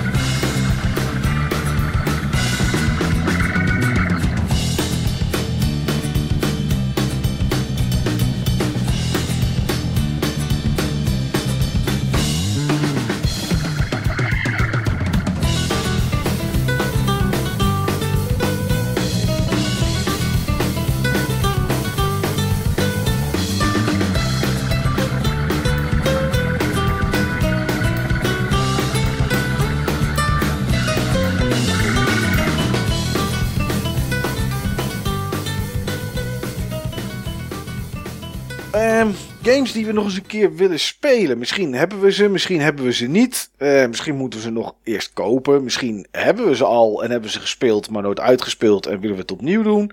Iets wat er in een van deze, eh, deze uh, noemers valt. Daar gaan we het vandaag eens, over hebben. Um, maar ik was eigenlijk voordat we daarover beginnen, want ja, we hebben het net al gehad over mijn inmiddels fameuze whiteboard. Uh, Steve, heb jij een systeem, iets of wat dan ook waar jij bijhoudt van, oh deze game wil ik nog eens een keer spelen of opnieuw spelen? Ja, zeker heb ik dat. Ah, en waar doe je dat dan mee? Mijn hoofd. Oh, dat is echt wat je onthoudt? Dat uh, onthoud ik. Oké. En ik moet zeggen, dat is wel altijd een zeer aan verandering onderhevig. ik wou net, net zeggen. Zo, net zoals alles in mijn hoofd. Ja. Maar uh, ik heb daar geen, uh, geen lijstjes uh, van. Oké, dus dat, nu kan je denken van, oh, die game moet ik nog eens een keer spelen. En over drie maanden weet je dat niet meer. Maar zit er wel een andere game in je hoofd die je nog eens een keer moet spelen. Ja, maar meestal zijn het toch altijd wel... Het heeft wel ook een vaste kern. Oké, dat wel. Ja. Oké, nou dan ben ik zo wel benieuwd naar die kern. Hoe, hoe doe jij dat, Niels? Of doe jij dat net zoals Steve? Ik doe het net zoals Steve, met goede reden. Althans, vind ik een goede reden. Als die voor jou goed is, dan, uh, dan keur ik hem goed hoor. Ja, ik doe dat omdat ik heel erg in het moment de game kies die ik wil spelen. Oké. En die kan ik eigenlijk niet echt vooruit bepalen. Het lukt ook nooit bijvoorbeeld om um, begin van het jaar. Dan heb ik weinig tijd en ik werk heel veel. En dan denk ik aan mijn vakantietijd. En ik kan dan niet al nadenken over de game die ik dan wil spelen. Omdat ik misschien al twee of drie andere games heb gekocht in de tussentijd die ik ook in die vakantie zou kunnen spelen. Heeft het dan bij jou een beetje te maken met een soort van stemming waar je in zit? Of net zoals bij Rune Factor dat je dacht, ik heb nu zin in, in, in, in zo'n zo'n manage-achtige game? Of? Ja. Oké. Dat is precies wat het is. Het is echt een, een, een stemming. Dat, uh, ja, goed. Die kan ik omslaan tijdens het spelen. Stop ik gewoon met die game, pak ik een andere. Oké, nou ja, dat is wel. Uh, ja, is ook een manier als het voor jou werkt. Is het goed? Uh... Ja. Nou ja, goed. Ja, ik heb dus mijn whiteboard. En zoals ik er straks al zei, aan de ene kant staan gewoon games dat ik denk van, die moet ik nog eens een keer kopen. er staat bijvoorbeeld nog jouw Radiant History op, Niels, waar jij het een keer over gehad hebt. Ja. Die, uh, dat wil ik toch een keer proberen voor de DS, volgens mij, zeg ik uit mijn hoofd. Dus uh, ja, die staat daar bijvoorbeeld op. Ik heb Dishonored 2 staat daarop aan die kant. Van oké, weet je, dat wil ik toch nog wel een keer kopen. Kan zo goed zijn dat die er over een jaar nog steeds op staat. Dus uh, dat maakt niet zo heel veel, niet zo heel veel uit. Ja, er heeft heel lang Zelda een Link Between Worlds opgestaan? Ehm, niet om te kopen, want die heb ik natuurlijk al wel een geruime tijd in, uh, in mijn bezit. Maar die staat wel op de linkerkant nog. Bij het rijtje van games die ik nog moet spelen, zeg maar. Ondanks dat ik er wel aan begonnen ben. Uh, maar inderdaad, dat zo'n soort titel uh, staat, daar, eh, staat, daar, staat daarbij. Alleen mijn lijstje van moet ik nog een keer kopen, wordt wel. ja, er staan nu nog maar vijf titeltjes op. Want ja, Sinterklaas is geweest en ik heb van de week twee titels op eBay heb ik, heb ik besteld. Uh, die ik toch nog oh, maar. dat waren die, uh, die titels waar je het net over had. Ja, klopt. En uh, Nier heb ik besteld voor de PS3. Nier, dat, die staat ook op mijn lijstje. Ja, klopt, voor de 360. Ja, we hebben een keer tegen elkaar gezegd in een uitzending... als we die tegenkomen, dan moeten we die eens een keer kopen. Maar ja, ik kom ze maar nergens tegen. bij, geen, bij geen used products of wat dan ook. En uh, ja, omdat Nier uh, Automata eraan komt op... Uh, ja, ik wou net zeggen, er komt een nieuwe Nier, hè? Ja, 22 februari, zeg ik uit mijn hoofd. En op 22 december is de demo uitgekomen op, voor PS4. had ik zoiets van, ja, dan ga ik hem nu toch maar gewoon op eBay kopen. En dan, dan ga ik hem, dan kan, kan ik hem in ieder geval spelen. En uh, die andere die, eh, die daar inmiddels vanaf is, is uh, voor de PS3 Ico en Shadow of the Colossus, de HD remakes. Die had ik ooit al een keer gekocht. Ik denk een uh, jaar of zes geleden. En die heb ik een keer aan iemand uitgeleend. Ik heb geen flauw idee meer wie. En aan iedereen die ik het gevraagd heb, die zei: Nee, heb ik niet. Of nee, dat is mijn eigen kopie. Mijn naam is Haas. Ja, nou, ik. Mocht er iemand luisteren die denkt: Gniffel, gniffel, die heb ik nog in mijn bezit. Veel plezier ermee. Ik heb een nieuwe gekocht. Dus uh, ja, die komt eraan. En, en, en, Reaper of Souls voor Diablo 3 stond daar bijvoorbeeld op. Die heb ik gekregen van mijn dochter. Nou, zo uh, verdwijnen er aan de rechterkant van mijn bord eigenlijk titels die ik nog een keer moet kopen. Maar aan de linkerkant met wat ik nog een keer moet spelen of opnieuw wil spelen. Ja, daar uh, verschijnen steeds meer titels. En soms verhuizen ze van rechts naar links. En soms zit ik overdag en denk ik er ineens aan. denk ik, oh ja, dat moet ik nog eens een keer spelen. En dan, uh, ja, dan schrijf ik dat, uh, dan schrijf ik dat zeg maar op. Zo werkt het, uh, ja, zo werkt het bij mij eigenlijk een beetje. Want anders weet ik, weet ik al wat er gebeurt, dan vergeet ik ze gewoon. En dan ja, komt het er nooit meer van. Al wil zo'n lijstje niet zeggen dat ik dat dan ook echt aan het spelen ben op dit moment. Maar goed, dat, dat is natuurlijk iets, dat is wel herkenbaar denk ik. Als jij dan kijkt naar zo'n uh, naar zo'n titel die elke keer bij jou boven komt, uh, Steve. Heb je zo'n titel dat je denkt van die moet ik nog eens een keer spelen of een keer opnieuw spelen? Ja, The Witcher 3. Ah, die staat bij mij ook aan de linkerkant op het, uh, op het bord. Ondanks bij jou is het zeg maar dat je het opnieuw wil spelen. Nee, dat ik, um, het, het, het was bij mij omdat ik hem op de PS4 natuurlijk een stuk had gespeeld. Daarna ging mijn PC upgraden. Daar speelde ja, dat toch een stuk... schitterend uit, zei je? Ja, het zag er echt mooi uit.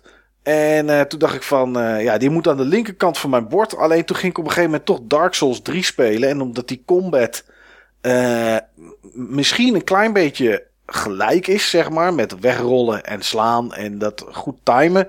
Maar de knoppen op een andere plek zitten. Kon ik ze niet door elkaar spelen. Dus hij staat nog aan de, op de linkerkant van mijn bord. Omdat ik het moet, ja, verder moet gaan spelen. Dat zou nu eigenlijk prima kunnen.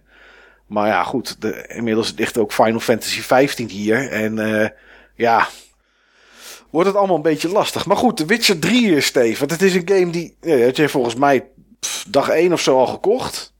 Of vrij ja, snel. Om, om en nabij, zo, zoiets. Ik heb hem toen gekocht ook samen met dat beeld. Ja.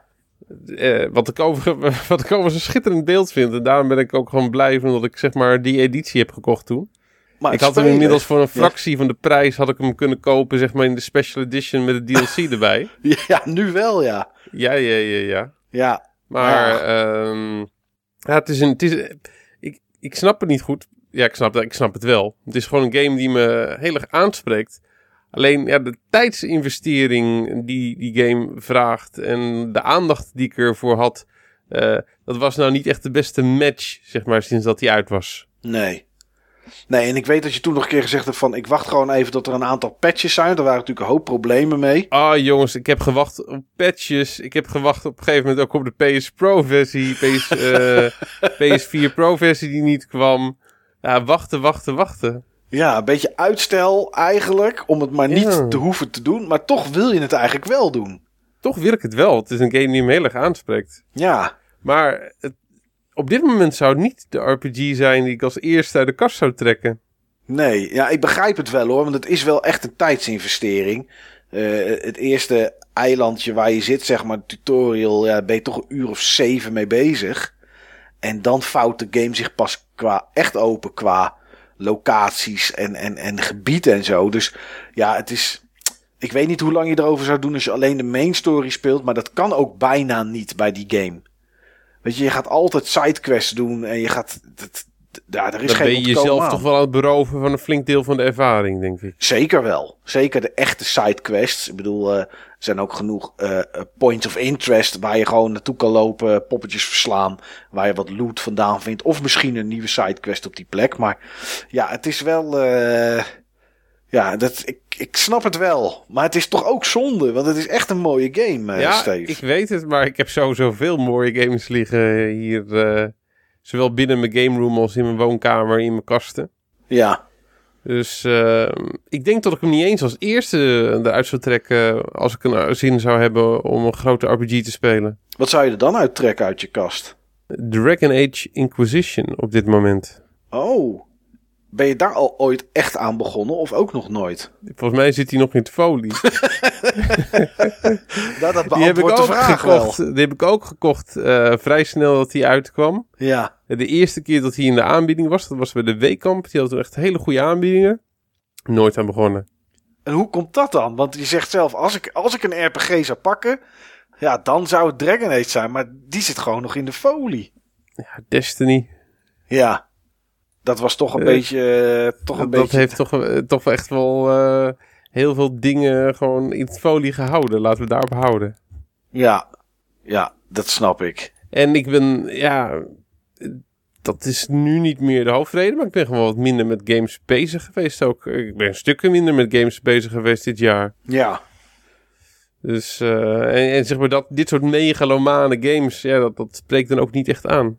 Nee, nou ja, ik, als ik dan... Enerzijds wel, want ik weet hoe gaaf het is. Ja. Maar ja...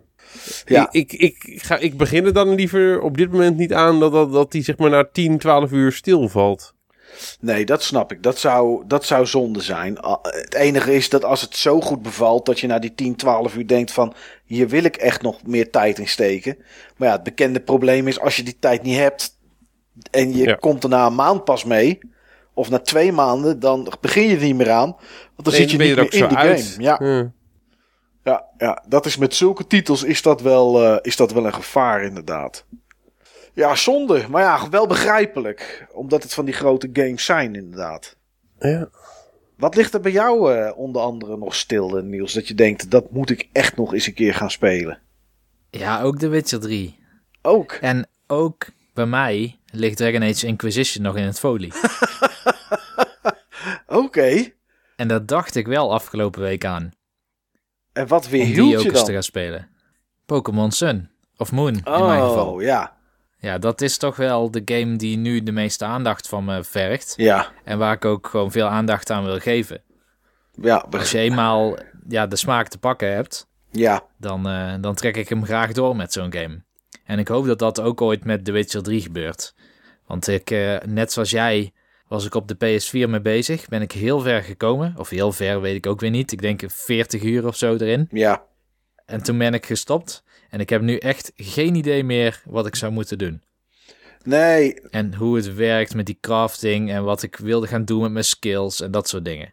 Nee, dat heb ik ook een beetje. Want ik denk dat die game bij mij, denk ik nu ook een maand of tweeënhalf, drie heeft stilgelegen. Maar ik weet nog, ja, weet je, als ik dan de main quests lees, dan weet ik ongeveer nog wel waar ik, uh, waar ik naartoe moet. En wat ik voor de rest met mijn crafting aan wilde en, en, en mijn skills. Ja, dat zie ik wel gaandeweg. Ik denk dat dat op zich wel, dat dat op zich wel weer op zijn plek valt. Ja, je hebt natuurlijk wel altijd je questlog en je kan altijd naar van die points of interest gaan. Alleen um, als ik The Witcher speel, of een spel zoals The Witcher, dan heb ik meestal wel een idee wat voor Witcher ik zou willen zijn. Ja. En dat idee ben ik kwijt. Okay. Ik weet niet meer hoe ik me, uh, hoe ik me hield tegenover NPC's bijvoorbeeld. Uh, ja, ik zoals ik zelf ben. Dus uh, aardig, mensenmens, positief, vro vrolijke nood. Dat is. ja. Dat is hoe ik het. nee, ja, goed. Als ik daar bij mezelf over nadenk. Ja, een beetje norsig en, en vooral eerlijk. Zeg maar. Niet eromheen draaien. Heb je He, dus ergens in het begin, nou, eh, niet helemaal in het begin, is er, is er zo'n uh, zo'n soort uh, landheer waar, waar Siri dan is geweest. En die heeft iets, er is iets gebeurd met zijn vrouw en zijn dochter. En ja, dan zegt mijn Witcher wel gewoon van ja, weet je, het komt door jou. En geen gelul, zeg maar. Dat is, dat is dan wel hoe mijn Witcher in elkaar steekt. En geen medelijden of zo voor de rest. Maar goed. Okay. Maar dan ben ik toch benieuwd van, je koopt Dragon Age Inquisition. Dat doe je met een reden, omdat je het wil gaan spelen. Mm En, maar waarom heb je dan die game überhaupt nog nooit aangeraakt? Dat kwam weer door Xenoblade Chronicles X. Oké.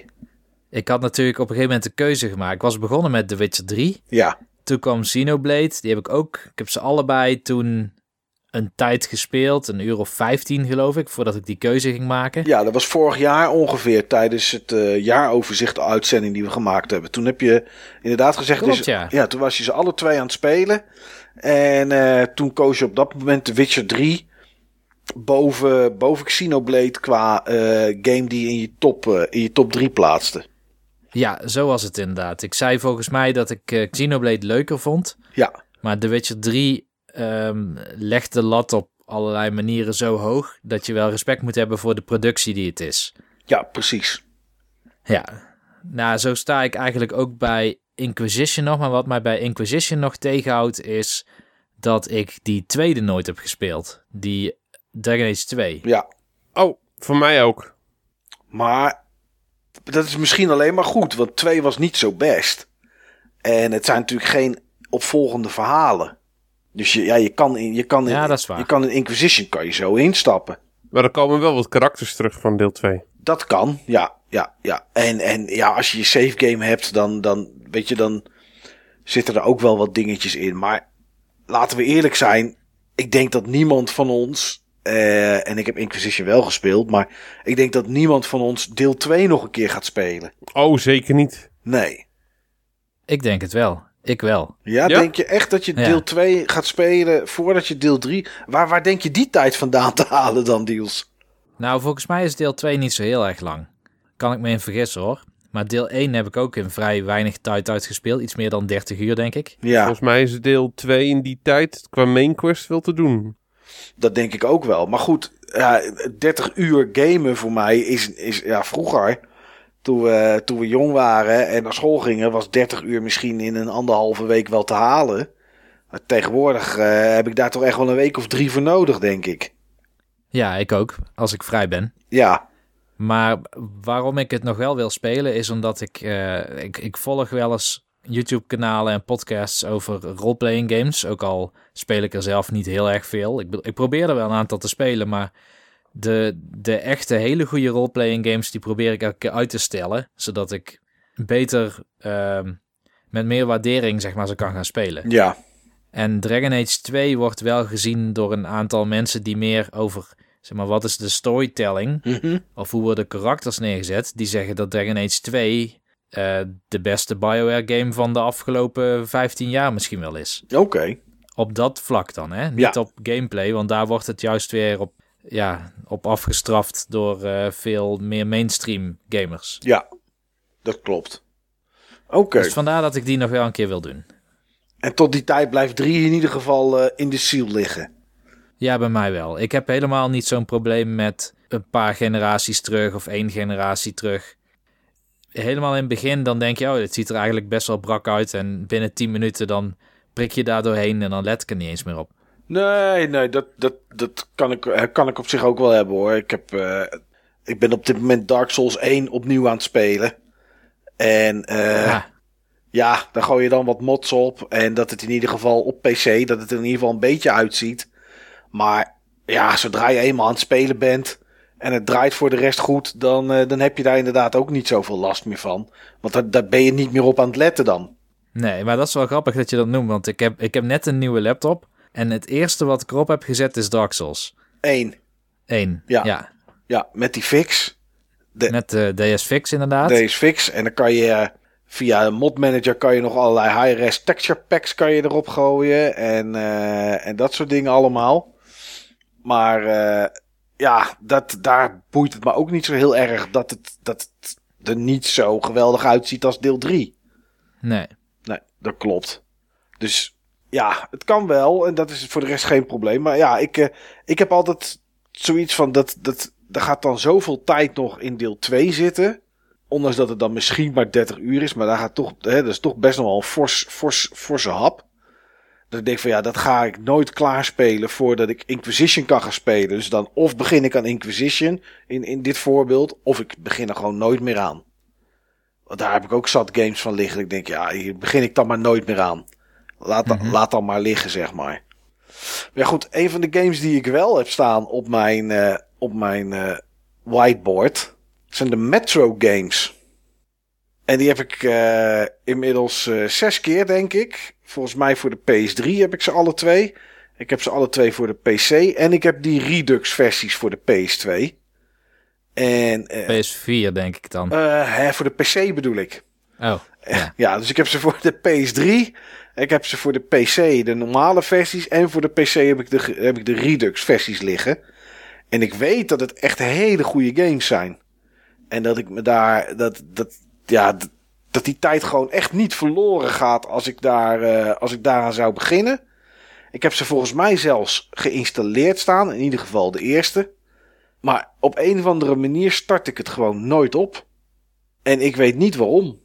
Ik heb de eerste ooit wel eens een keer een stukje gespeeld.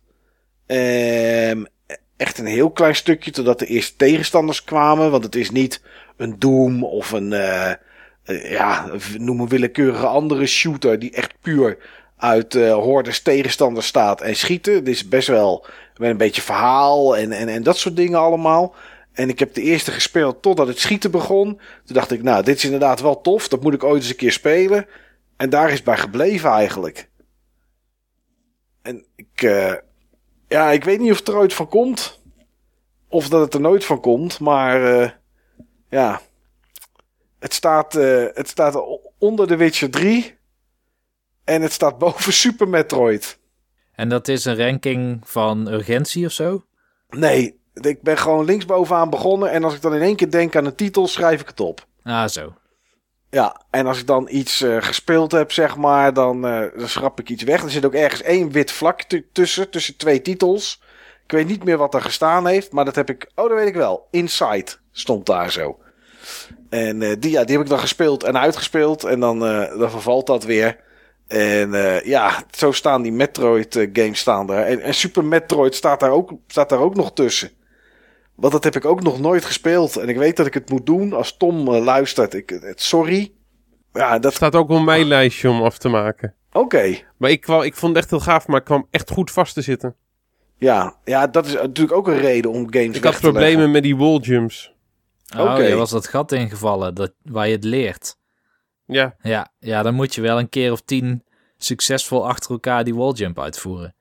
Oké, okay, en is dat een, een, lastig te besturen walljump of zo dan? Dat dat, uh, is die control een beetje, een beetje wonky dat dat niet lukt? Of? Ik vind van wel. Ik, uh, ik heb hem niet goed in de vingers in ieder geval. Het luistert heel nauw, de controles. Oké. Als je het eenmaal hebt, zeg maar, als je het ritme kent, dan gaat het prima. En het volgende obstakel wordt dan die screw attack. Want die, uh, die heeft ook een bepaald ritme als je zeg maar een verticale beweging wil doen, stel je wilt de lucht in. Vaak als je tegen een eindbaas vecht, dan ben je veel te veel in paniek. Dus dan krijg je dat ritme niet voor elkaar. Nee. Maar ja, de, de wall jump en de screw attack zijn twee best wel nauw luisterende ja, control mechanics. Hmm. Nou goed, dan wacht ik misschien maar even Steve totdat jij er een keer doorheen bent. Dan kan je mij het ritme, het ritme vertellen en leren. Maar uh, ja, dat is, dat is ook zo'n titel die ik, uh, die ik heb staan. En dan, dan hebben wij het er bijvoorbeeld over in de podcast. Of, uh, of ik hoor het ergens of ik lees het ergens. denk ik, oh ja, dat moet ik nog eens een keer spelen. En dan, ja, dan, dan schrijf ik het op, zeg maar. heb je nog games, Steve, dat je denkt van die heb ik al een keer uitgespeeld. Of, of, maar die wil ik toch nog een keer opnieuw spelen? Ja, zeker. Wat voor, wat voor titels moeten we dan aan denken? Nou, eigenlijk was dat een van de dingen die ik nu op dit moment had willen doen in mijn vakantie, maar ik heb hem nog niet binnen. Oké, en over uh, welke titel hebben we het dan? Darksiders. Oh, de eerste, de War ja, de nog wat Darksiders. Uh, de War Master, Edition. Edition. Ja. ja. Schijnt wel een goede remake te zijn. Oké. Ik heb hem. Uh, ik, nou, ik ga even opstaan. En ik pak eventjes een stift. En ik ga die opschrijven op die lege plek. Want ik heb die uh, op Steam heb ik die gekregen, zeg maar. Omdat je het origineel had. En ik ben eigenlijk wel benieuwd. Uh, ik schrijf nu op Dark Siders 1. Zo, bedankt Steve. Er staat weer een, uh, staat weer een titel op mijn bord. Ja, ik, ik doe graag bijdragers. Ja, nou, er staan genoeg bijdragers op die die ik aan de hand van jou uh, heb, denk ik. Oh, staat Jeanne d'Arc erop trouwens? Nee, die heb ik ook niet. Nou, ook daar is de eBay voor uitgevonden. Ja, moet ik die aan de rechterkant gaan? Ja, volgens jou natuurlijk wel, hè? Ik vind Jeanne d'Arc echt een bijzonder leuk spel. Maar is dat iets voor Mike? Die kwam ook niet door Fire Emblem heen. Nee, maar oh, ik laat heb... me hangen, Mike. Ja, maar ik heb wel bijvoorbeeld uh, uh, Ogres, wat was het ook weer? Ogre Tactic of zo op de, op de DS destijds. Die heb ik bijvoorbeeld wel met heel veel plezier gespeeld en uitgespeeld. Final Fantasy Tactics vond ik geweldig. Dus moet, ik, heb, ik heb hier een rode stift in mijn hand. Moet ik hem erop schrijven, Steve? Ja. Oké. Jean. Dark. Tussen haakjes zet ik even PSP, weet ik wel, maar voor de zekerheid. Hij staat erbij. Ik heb inmiddels zes titels die ik moet kopen nu. Maar uh, ja, die heb je nog niet binnen. Ja, dan wordt het een beetje zuur om dat te gaan spelen, inderdaad. Ja, dat is een eh. beetje lastig. Hij, uh, ja, hij was uh, gewoon wat later dan verwacht verzonden door Zevi. Oké, ja. Ja, en dat komt, komt het uit Engeland van Zeffie? Ja, hè? Dat hangt er van af. Verschilt per titel tegenwoordig. Oké, oh, ze hebben ook lokale, lokale storage, zeg maar. Ja, ja, maar sommige dingen komen dan uit Engeland en andere dingen uit Oost-Europa en andere dingen juist weer uit Duitsland of zo. Nee, het komt echt overal vandaan. Ja. Ik heb geen flauw idee hoe, dat, uh, hoe die logistiek uh, werkt. Nee. Maar ja, dat is dus een titel die nog een keer opnieuw. En wat, eh, die, ja, die tweede vond je geweldig. Die eerste was minder dan de tweede, denk ik. In ieder geval toen. Is er een reden dat je dacht van oké, deze wil ik nog een keer opnieuw spelen? Gewoon benieuwd? Ja, ik wil eigenlijk, eigenlijk wil ik ook gewoon zien of ik of die, twee, of die tweede echt beter vond dan die eerste. Ja, zo staat het wel in het geheugen, omdat die tweede later kwam en echt heel goed was natuurlijk. Maar die eerste vond ik ook echt heel goed. Die heb ik ook echt helemaal platinum gespeeld. En uh, die eerste is wel wat gestroomlijnder dan die tweede. Ja, die tweede, die tweede is wat meer vrij hè, qua open wereldachtig ja. iets. Ja, klopt. En die eerste is eigenlijk. Uh, was die eerste ook qua gameplay echt anders? Was toch meer hack en slash dan de tweede, of niet? Laat ik het zo zeggen. Alle elementen eh, van de eerste zitten in de tweede.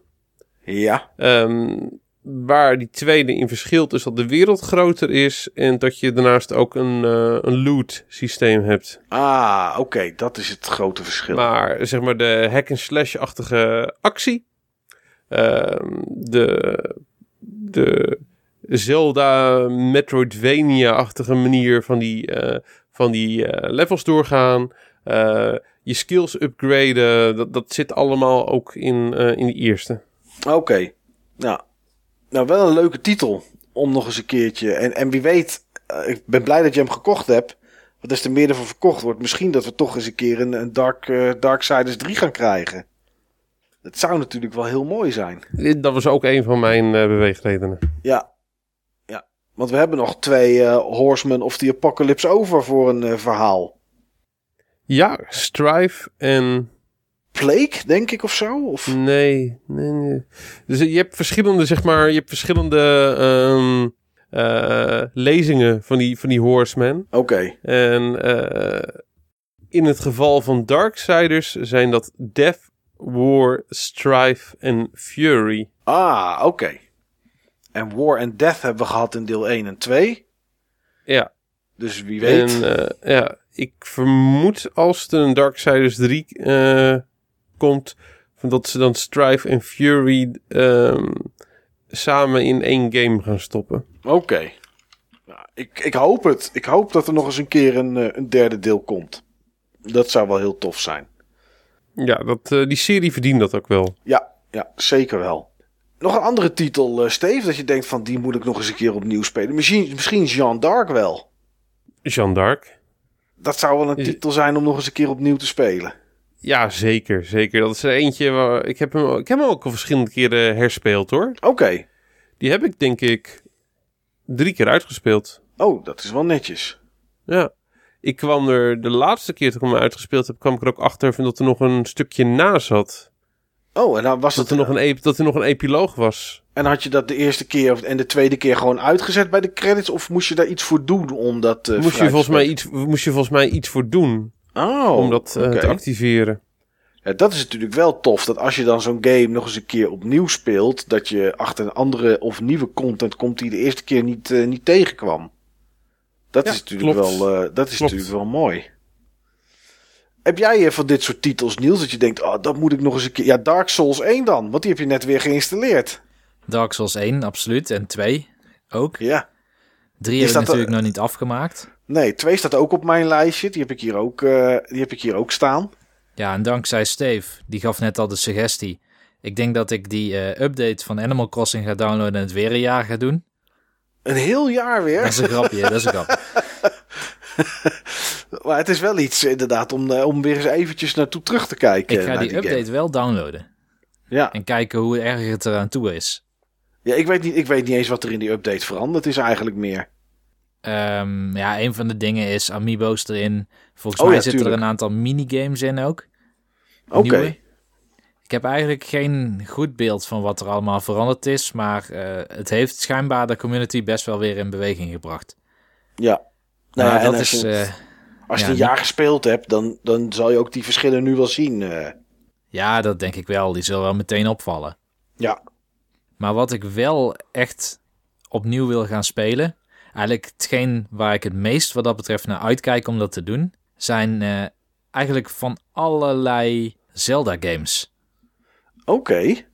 En de reden dat ik daar graag uh, weer in zou duiken, is omdat de Zelda-serie iets heel bijzonders heeft, wat ik eigenlijk niet goed ken uit andere games. Ik denk wel dat bepaalde oude RPG's zoals Baldur's Gate, die zullen het wel hebben.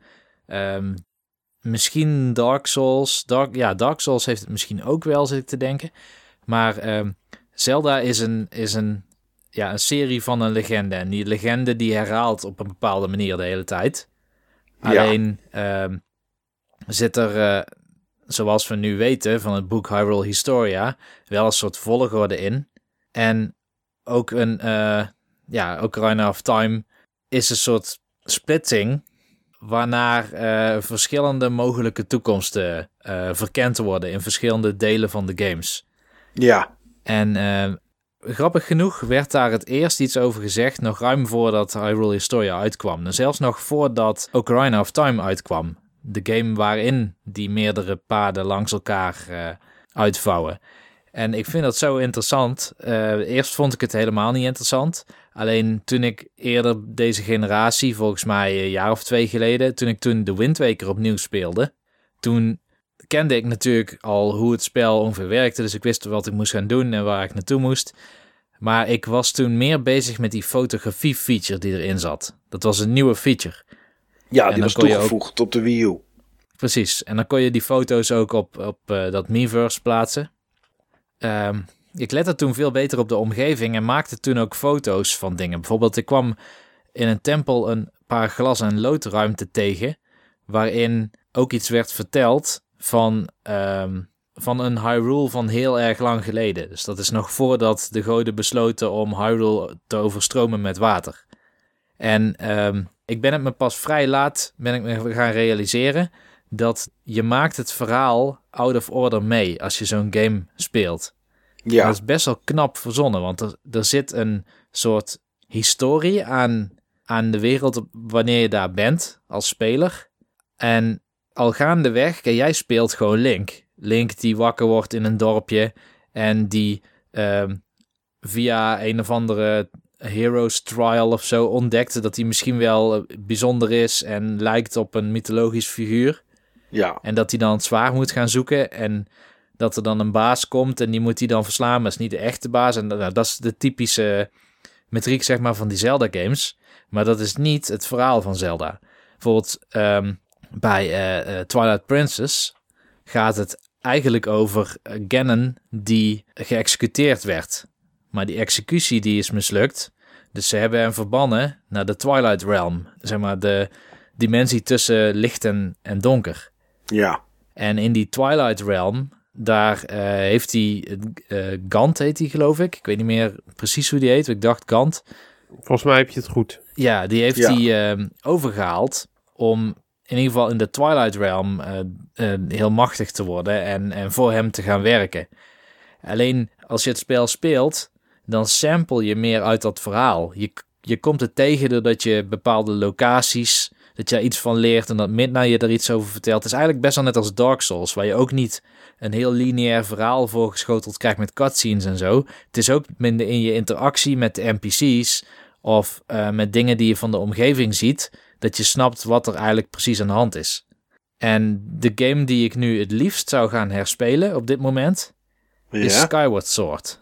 Oké, omdat je die niet uit hebt gespeeld of omdat daar heel veel in zit van, die, van dat verhaal van die wereld? Of wat is de reden dat je die zou willen Ik heb hem wel uitgespeeld. Um, En ik denk dat in, in termen van, van worldbuilding en verhaal, dat het eigenlijk het sterkste deel is uit de hele serie. Want het, het staat aan de oorsprong van Hyrule. Hyrule bestaat nog niet eens in die game. Oké, in Skyward, ja, Skyward Sword heb ik natuurlijk niet gespeeld. Maar uh, dat is dan de eerste uit die tijdlijn helemaal ook, of niet? Ja, klopt. Skyward Sword gaat er eigenlijk over dat uh, er vroeger een oorlog is geweest op het land. En uh, je had een, een, volgens mij heette die Demise, dat was een, een soort demon. En die is uiteindelijk gesealed. Maar om de mensheid veilig te stellen, hebben ze een wereldrijk in de lucht gemaakt. En hebben goden uh, wolken uitgevonden om de om het land van de lucht te scheiden, zeg maar. De, de, ja. de wereld van het land en de wereld van de lucht. En jij bent dan een link die dan opgroeit in dat Skyloft, heet het, dacht ik, die wereld in de lucht. En daar leer je iemand kennen. Die, zij heet Zelda. Ze is dan nog geen prinses op dat moment. Maar ze is wel de afstammeling van een van die goden van vroeger. En gaandeweg het spel ja, wordt, wordt Zelda steeds meer de Zelda die je kent. En um, ben jij als speler uh, bezig om uh, de Master Sword te forgen? Want die bestaat ook nog niet in die Zelda. Er is ook nog geen, uh, hoe heet die, dat ding ook weer? Sacred Realm. Die kom je ook elke keer tegen. Ja. waar waar de, de Triforce zeg maar in, in opgeslagen is. Die bestaat ook nog niet. Alles wat je kent van de toekomstige Zelda-delen, die ontstaan in die game. Volgens mij eindigt het ook met dat Hyrule ontstaat, omdat Zelda eindelijk de prinses wordt. Oké. Ja, dat is misschien wel een interessante om een keer te herspelen dan inderdaad. Ja, want er zit nu, nu, zeg maar, nu ik het beter kan zien waar het zich toe verhoudt, zeg maar, in die, in die mhm. tijdlijn. Ja. Kan ik waarschijnlijk meer meekrijgen van, van de wereld dan dat ik deed toen ik het voor het eerst speelde. Want toen was ik veel meer bezig met de handelingen, de mechanics, de puzzles, de dungeons. Ook is allemaal wat ik het meest waardeer aan Zelda games. Ja. Maar ja, de, de beleving van, van de wereld en, en van, van het verhaal, dat is iets wat ik nog niet optimaal heb uh, benut. Oké. Ja, dat is wel een interessante titel om te herspelen. Als je er op die manier naar kijkt, ja. mijn meest herspeelde titel ooit, Mhm. eh, los van echt korte titels zoals Street Fighter en zo, dat soort dingen, Ja. eh, is denk ik eh, Legend of Zelda: A Link to the Past. ja, Ik denk dat ik die acht tot tien keer heb uitgespeeld Zo dan. in de loop der jaren. dat verhaal is aangepast, hè? In de heruitgave voor de Game Boy Advance. Oh, wat hebben ze daarin aangepast dan? Daar hebben ze in de intro, eh, de introductie gaat erover, want Link to the Past is ook zo'n deel wat volgens mij na een eh, periode van destructie en chaos ontstaan is. Maar er zijn een paar woorden veranderd, zodat de games beter naar elkaar kunnen verwijzen. Als ik heel eerlijk ben, joh, eh, mensen die het helemaal uit willen pluizen en die het zeg maar als puzzelstukjes op elkaar willen passen, prima. Maar ik, ik vind het zo enorm ver gezocht om het zeg maar als een geheel eh, te beschouwen. Eh, bij mij gaat het er nooit gewoon in. Eh, ik vind het heel, heel leuk die Hyrule Historia, maar, maar ik zie het gewoon als een, als een theorie. Persoonlijk zie het, ik het als een theorie in plaats en wel iets wat later ontstaan is dan, dan iets waar echt ja, van tevoren zeg maar zo eh, mee rekening mee is gehouden. Zoals bijvoorbeeld wel Star Wars eh, eigenlijk juist van tevoren als deel 4, 5 en 6 eh, bedacht was. Maar nee, het gaat bij mij gewoon niet zo Nou, in. bij, bij mij wel. Volgens mij de eerste twee games is daar niet over nagedacht. Nee, dat en ik een me net ook af. deel aan Capcom of zo. Zeg maar, toen je dat, toen je dat eh, daarover had, om die dan nog eens te herspelen. Toen dacht ik, oké, zouden ze het aan het begin inderdaad allemaal bedacht hebben? Of dachten ze later van, weet je, eh, laten we het, wat ik bedoel, zoiets van tevoren bedenken. Of misschien zelfs al bij deel 2, eh, of na deel 2 voor deel, ik weet niet welk deel we nu gaan krijgen. Misschien eh, 10 of zo, of 11 inmiddels. Hoe ver zou dit vooruit bedacht zijn, zeg maar? Nou, ik denk niet dat het helemaal vooruit bedacht is, maar het vult wel hiaten op. Ja, En, eh, en ook heel bewust. Dus wat Steve zegt, dat, dat, dat klopt feitelijk niet. Dat het eh, achteraf bedacht is. Het is van tevoren bedacht, maar niet vanaf deel 1. Deel 2 is, is duidelijk een sequel op deel 1. Het is ook dezelfde wereld waar het in afspeelt en dezelfde tijd in principe. Ik, eh, ik, ja, ik moet daar toch nog eens een keertje voor de grap naar kijken, naar die tijd. Want ik ben dan toch benieuwd waar bijvoorbeeld... Want dat heb ik dus op mijn bord staan om nog eens een keer te spelen. Eh, Mhm. opnieuw te spelen eigenlijk. Ehm, eh, daar staat Zelda, S op de 3DS. En er is natuurlijk maar eentje. Dat is natuurlijk Link Between Worlds. Maar eh, ik wil eigenlijk heel graag Phantom Hourglass. En... ehm God, hoe heette die Spirit andere? Tracks. Spirit Tracks wil ik eigenlijk nog wel eens een keer spelen. Omdat ik, ehm, ondanks dat ik eh, niet zo'n erge mobiele gamer ben, toch die twee titels toch wel heel erg leuk vond om te spelen. Ik, ik weet Ja, niet. dat zijn leuke games. Ja. En, eh, maar als ik dan nu bedenk, zeg maar, hoe dat in die tijdslijn moet zitten, heb ik echt geen flauw idee. Waar zich dat eigenlijk, eh, waar zich dat eigenlijk verhoudt. Nou, die ene game is een directe sequel op eh, Wind Waker. Ja, dat is die met, ja, dat is ook met een, met een schip. Ja, maar dat voelt ook echt als een sequel. En het speelt zich ook echt naar Wind Waker af. Ja. Dat is echt een van de weinige Zelda-games die nou echt voelt als een, eh, als een sequel van. En, en die andere Spirit Tracks, dat is weer ja, een op zichzelf staand iets. Oké, dat zit, eh, zit waarschijnlijk wel weer ergens tussen, maar hij heeft weer nergens. eh, ja. Toch, hè, als je dan zo'n tijdlijn ziet. En het, het is natuurlijk geen zelden aflevering, dit. Maar als je dan zo'n tijdlijn ziet, dan heb, dan heb je toch wel een beetje het gevoel. Wat, wat Steve zeg maar heeft en wat ik dan wel snap. Zo van, we maken wat en dan, en dan gaan we op een gegeven moment... zijn er zoveel titels en dan gaan er zoveel mensen vragen stellen... van hoe zit het nou? Dan gaan we maar er een, eh, er een tijdlijn bij bedenken. Want in het begin zie je Skyward Sword. Daarna de Minish Cap. En dan Four Swords. En dan Ocarina of Time. En vanaf dat moment is of de hero defeated of succesvol. En hero defeated ga je naar Link to the Past en eh, Oracle of Seasons and Ages en Link's Awakening. En daarna, nou ja, The Legend of Zelda. eh, en daarna Adventure of Link. Maar is de hero succesvol? Maar ik bedoel, als je de game uitspeelt en je wint, is de hero altijd succesvol, toch? En dan krijg je, of hij wordt een kind, of hij wordt een adult. En wordt die kind... Ja, dat, dat is zeg maar waar ik, er, waar ik zeg maar ook een bezwaar tegen heb. Als ik me uitspeel, dan win je. ja, In elke Zelda win je. ja. Maar eh, misschien is dit nog eens een keer iets uh, om bij een komende Zelda-aflevering uh, over heel lang, wanneer er weer een paar delen zijn uitgekomen, om er weer eens een keer in te duiken in die timeline. Ja.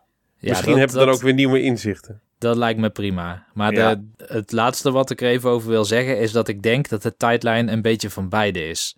Ik kan me niet voorstellen dat die, uh, dat die helemaal achteraf gefabriceerd is. Want daarvoor zitten er te veel verwijzingen, ook in oude Zelda's, al na elkaar. Naar elkaar. Dat klopt ook wel, dat klopt. Maar eh, tegelijkertijd zijn ze er misschien pas achter gekomen om er iets mee te gaan doen nadat een community daar heel actief mee bezig is geweest. Dat, ja, dat vermoed ik. Maar dat denk ik ook. Maar het is gewoon prima, joh. Als mensen hier blij van worden, helemaal goed. Ja, dan is het helemaal goed. Nee, dan is er ook geen probleem. Ik ga er gewoon Zelda's voor herspelen. Ja, helemaal, helemaal goed. Over herspelen gesproken, of de wens uh, om te herspelen. En tijdlijnen. En series. Um, een van de, van de series die ik al echt al heel lang wil herspelen. En uh, voor, dat is niet volledig herspelen, want er zitten ook delen tussen die ik, uh, die ik niet gespeeld heb. Um, die draait ook om, om tijdreizen. En die heeft ook zeg maar een aantal parallele tijdlijnen en dingen die in eerste instantie niet kloppen, die later wel blijken te kloppen. Zo, ik ben me toch hard aan het denken, Niels. Steve weet het altijd heel goed te doen.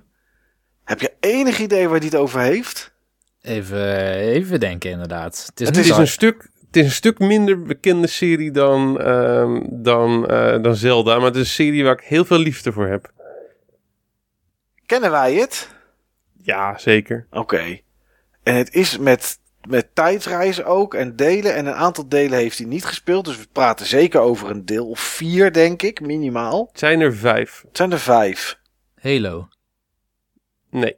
Oh. Daar zit geen tijdreizen in, als ik het goed heb. Ik heb er maar één gespeeld, helaas.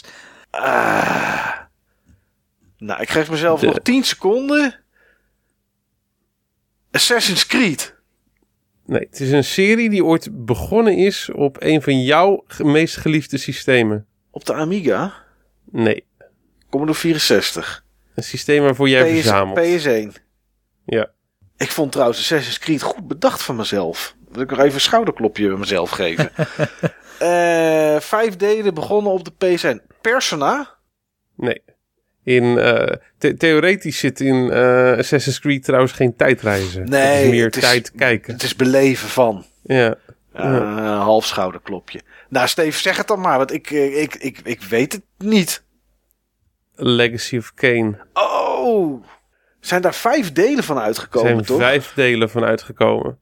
Legacy of Kane, Blood Omen, Soul Reaver, Soul Reaver 2, Blood Omen 2, wat in eerste instantie een, uh, een deel uh, was waar heel weinig liefde voor was, omdat er geen reet van klopte. En als laatste Legacy of Kane Defiance, waar, uh, waar ook in duidelijk wordt van dat Blood Omen 2 eigenlijk ja, tot een parallelle, uh, een parallele tijdlijn uh, is. Oh. Die op een bepaalde manier ook weer aanhaakt. Een soort Zeldaatje. Uh, ja, en ook hier kun je bij twisten of dat zeg maar beoogd of, um, of, of niet beoogd is. Ik ga voor geval, niet beoogd. dat snap ik. Maar dit is in ieder geval een volledig coherent verhaal ook het zijn ook dezelfde characters die, die terugkomen overal. En je hebt ook geen reïncarnaties en dat, en, en dat soort dingen. Het is wel echt gewoon in zekere zin een afgebakend verhaal. Het is ook echt afgebakend, want ja, er worden geen delen meer gemaakt. Het laatste deel was 2001 of zo, denk ik. Want Legacy of Kane Defiance. Even kijken. Legacy of Kane en Blood Omen waren op de PS1 in ieder geval. Zeg ik uit mijn hoofd. Was ook zo. Uh, Legacy of Kane Soul Reaver heb ik op PC gespeeld, dus ik weet niet waar dat uh, nog meer... Nee, Legacy of Kane en Blood Omen, dat is hetzelfde spel, hè? Is dat hetzelfde spel? Ja. Oké. Okay. Nou ja, ik, oké, okay, die, en die, kwa, die zijn uitgekomen. En Soul Reaver is ook op de PlayStation 1 uitgekomen. Um, uh, Soul Reaver 2 en Blood Omen 2 en Legacy of Kane Defiance allemaal op PlayStation 2. Oké. En ik zie bepaalde spellen daarvan ook op Xbox. Ik zie Legacy of Kane Defiance is 2003 uitgekomen. Dan is dat het laatste deel uit die serie. Ja. Los van een uh, free-to-play game die niet meer te krijgen is. Niet meer te spelen. Ik zie het. Dat heb ik wel eens van gehoord. Nosgoth. Nosgoth. Nosgoth. Dat is de wereld waarin het zich afspeelt. Ja, dat was inderdaad een, uh, een MMO iets, toch? ja, een ehm, online, een online multiplayer third-person shooter was het. Ja, het was geen MMO. Het was inderdaad een. Uh, Wel MMO, maar geen RPG. Game. Ja, vampiers tegen vampierjagers, waarin de vampiers gigantisch het voordeel waren. Ja, release date cancelled staat er inderdaad bij. Dat ding is niet. Uh... Klopt, klopt. Oh. Dat is toch eigenlijk zonde, dat was echt een mooie, Ja, dat was echt een mooie serie, uh, Soul Reaver. Echt enorm van genoten. Zonder dat ze daar eigenlijk niks meer mee doen, Square. Ja. Daar zouden ze nou een uh, mooie opgepoetste uh, remake van moeten maken. Dat zou echt wel veel oppoetswerk vragen. Net zoals uh, Crash Bandicoot. Ja, dat wordt gewoon, dat wordt, dat wordt gewoon opnieuw maken. Ja, dus, maar het belangrijkste, het, het, belangrijkste wat ze sowieso dan kunnen recyclen, dat, dat lichter. Dat is gewoon het geweldige, geweldige voice work. Wat een goede voice work. Wat een goed verhaal. Ja, ja, en natuurlijk de wereld. En uh, die hoeven ze niet meer opnieuw te bedenken. Maar als je dat. Dat lijkt me erg taai, Steve, of niet? Om dat weer opnieuw te gaan spelen. Ondanks dat je heel veel liefde hebt voor die games. Moet je dat dan toch op de PS1 gaan doen. En die 3D is natuurlijk niet zo sterk als wat je nu uh, gewend bent. En uh, met name ook van de camera. Ja. Dus daar kun je heel wat trico-frustraties in kwijt, denk ik. Dat denk ik ook wel, inderdaad. Maar toch is het iets wat je nog wel eens een keer zou willen doen. Ja, dat is wel iets wat op mijn, uh, op mijn wensenlijst staat. Ik zit er nu ook weer uh, vol waardering en liefde naar te kijken. Ja, dat is wel mooi. En toen je het net had over uh, Zelda, Link Between Worlds, die je dan een keer of acht tot tien hebt uitgespeeld, zat te denken of ik zo'n game had. En ik heb dat eigenlijk wel. Ik heb één game en die speel ik elk jaar opnieuw. En ik weet eigenlijk niet, niet waarom. Ja, omdat ik het leuk vind. En dat is Loom. Ah, geweldig. Ja. Ja, die moet ik ook nog uh, spelen. Ik heb hem op de PC Engine nu. Oké. Ja, dat is echt een uh, geweldige LucasArts. Uh, die was ook niet goedkoop, dus die moet ik echt wel gaan spelen. Ja, dan zeker. Maar ja, uurtje of drieënhalf, vier denk ik of zo dat ik ermee bezig ben. Het is echt een avondje. En, uh, maar dat is een, uh, ja, dat is toch wel een point-and-click adventure die, uh, die qua besturing natuurlijk heel anders is. Ik ben een uh, game vergeten in de Game Talk. Oh, echt waar? Wat dan? Ja, ik heb toch nog een spel zitten spelen. Nou, ik vind dat er nog wel even tussendoor kan. Het, is toch al, het gaat toch alleen maar gewoon puur over games. Wat heb je nog gespeeld al, Steve?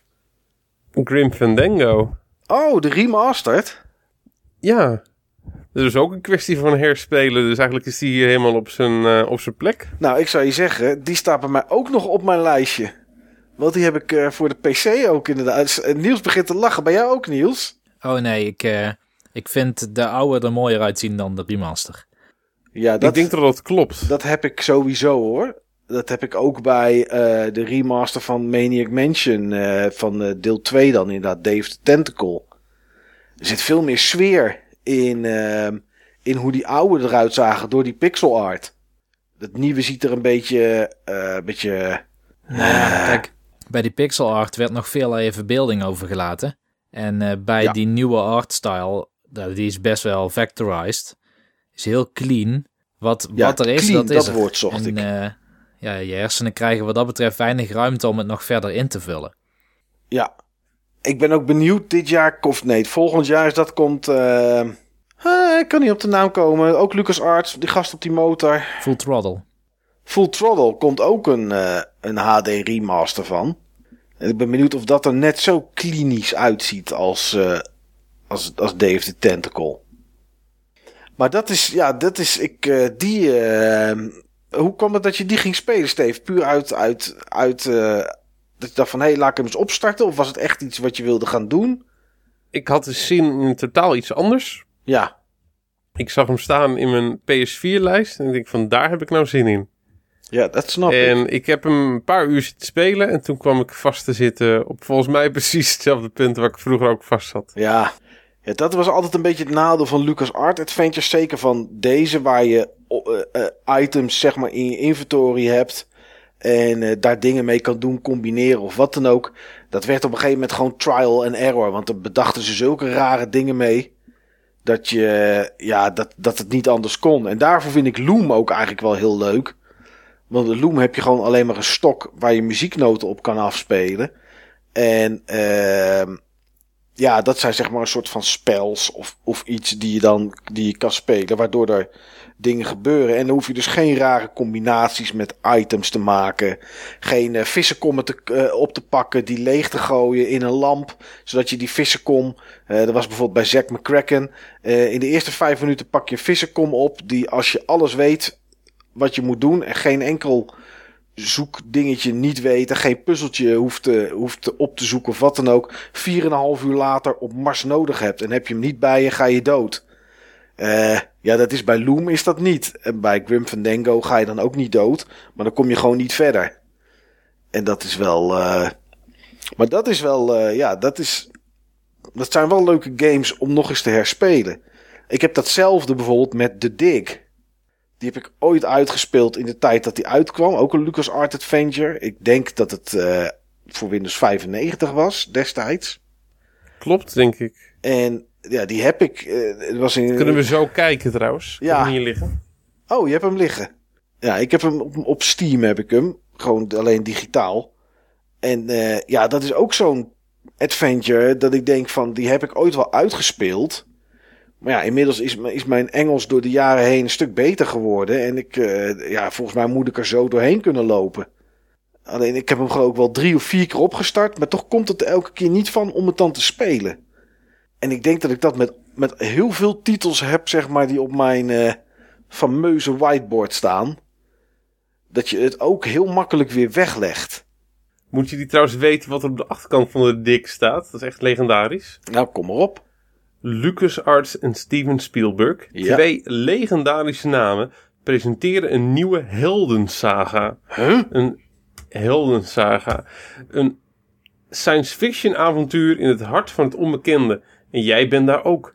Bijna 200 locaties en honderden raadsels. Met de stem van Robert Patrick uit Terminator 2 als Boston Low. Goed dat ze dat er nog even bijzetten uit Terminator 2. Ja.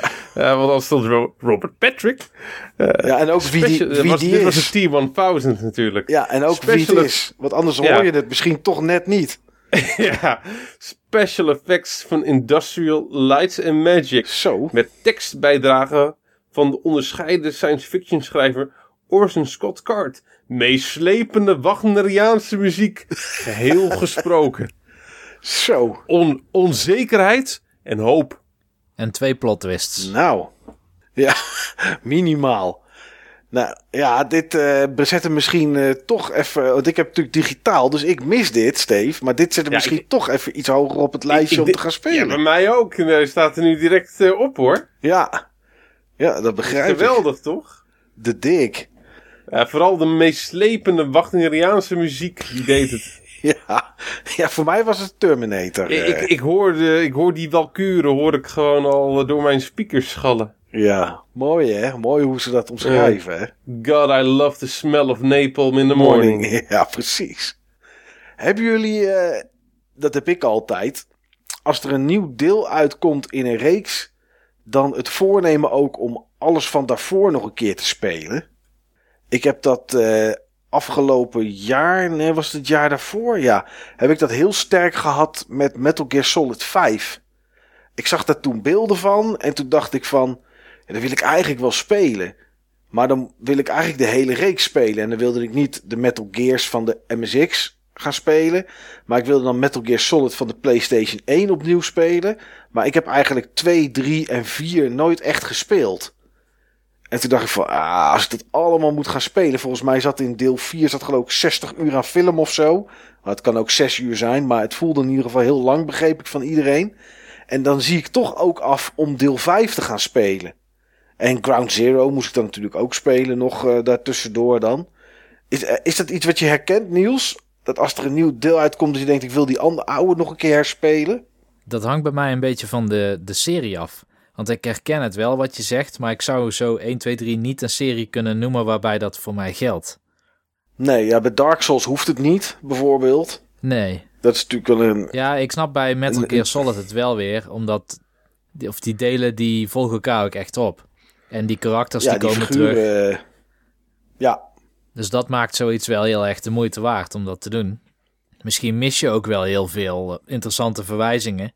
Nou ja, daar ben ik bang voor, zeg maar. Dat als er iemand uit deel 2 in één keer terugkomt, dat ik niet dat, oh, kijk nou gevoel heb, zeg maar. Oh ja, ik zou dat denk ik hebben bij, uh, bij Mass Effect. Oké. En dat is omdat iedereen dat aanraadt. Hè? Kijk, ik was begonnen met Mass Effect 2.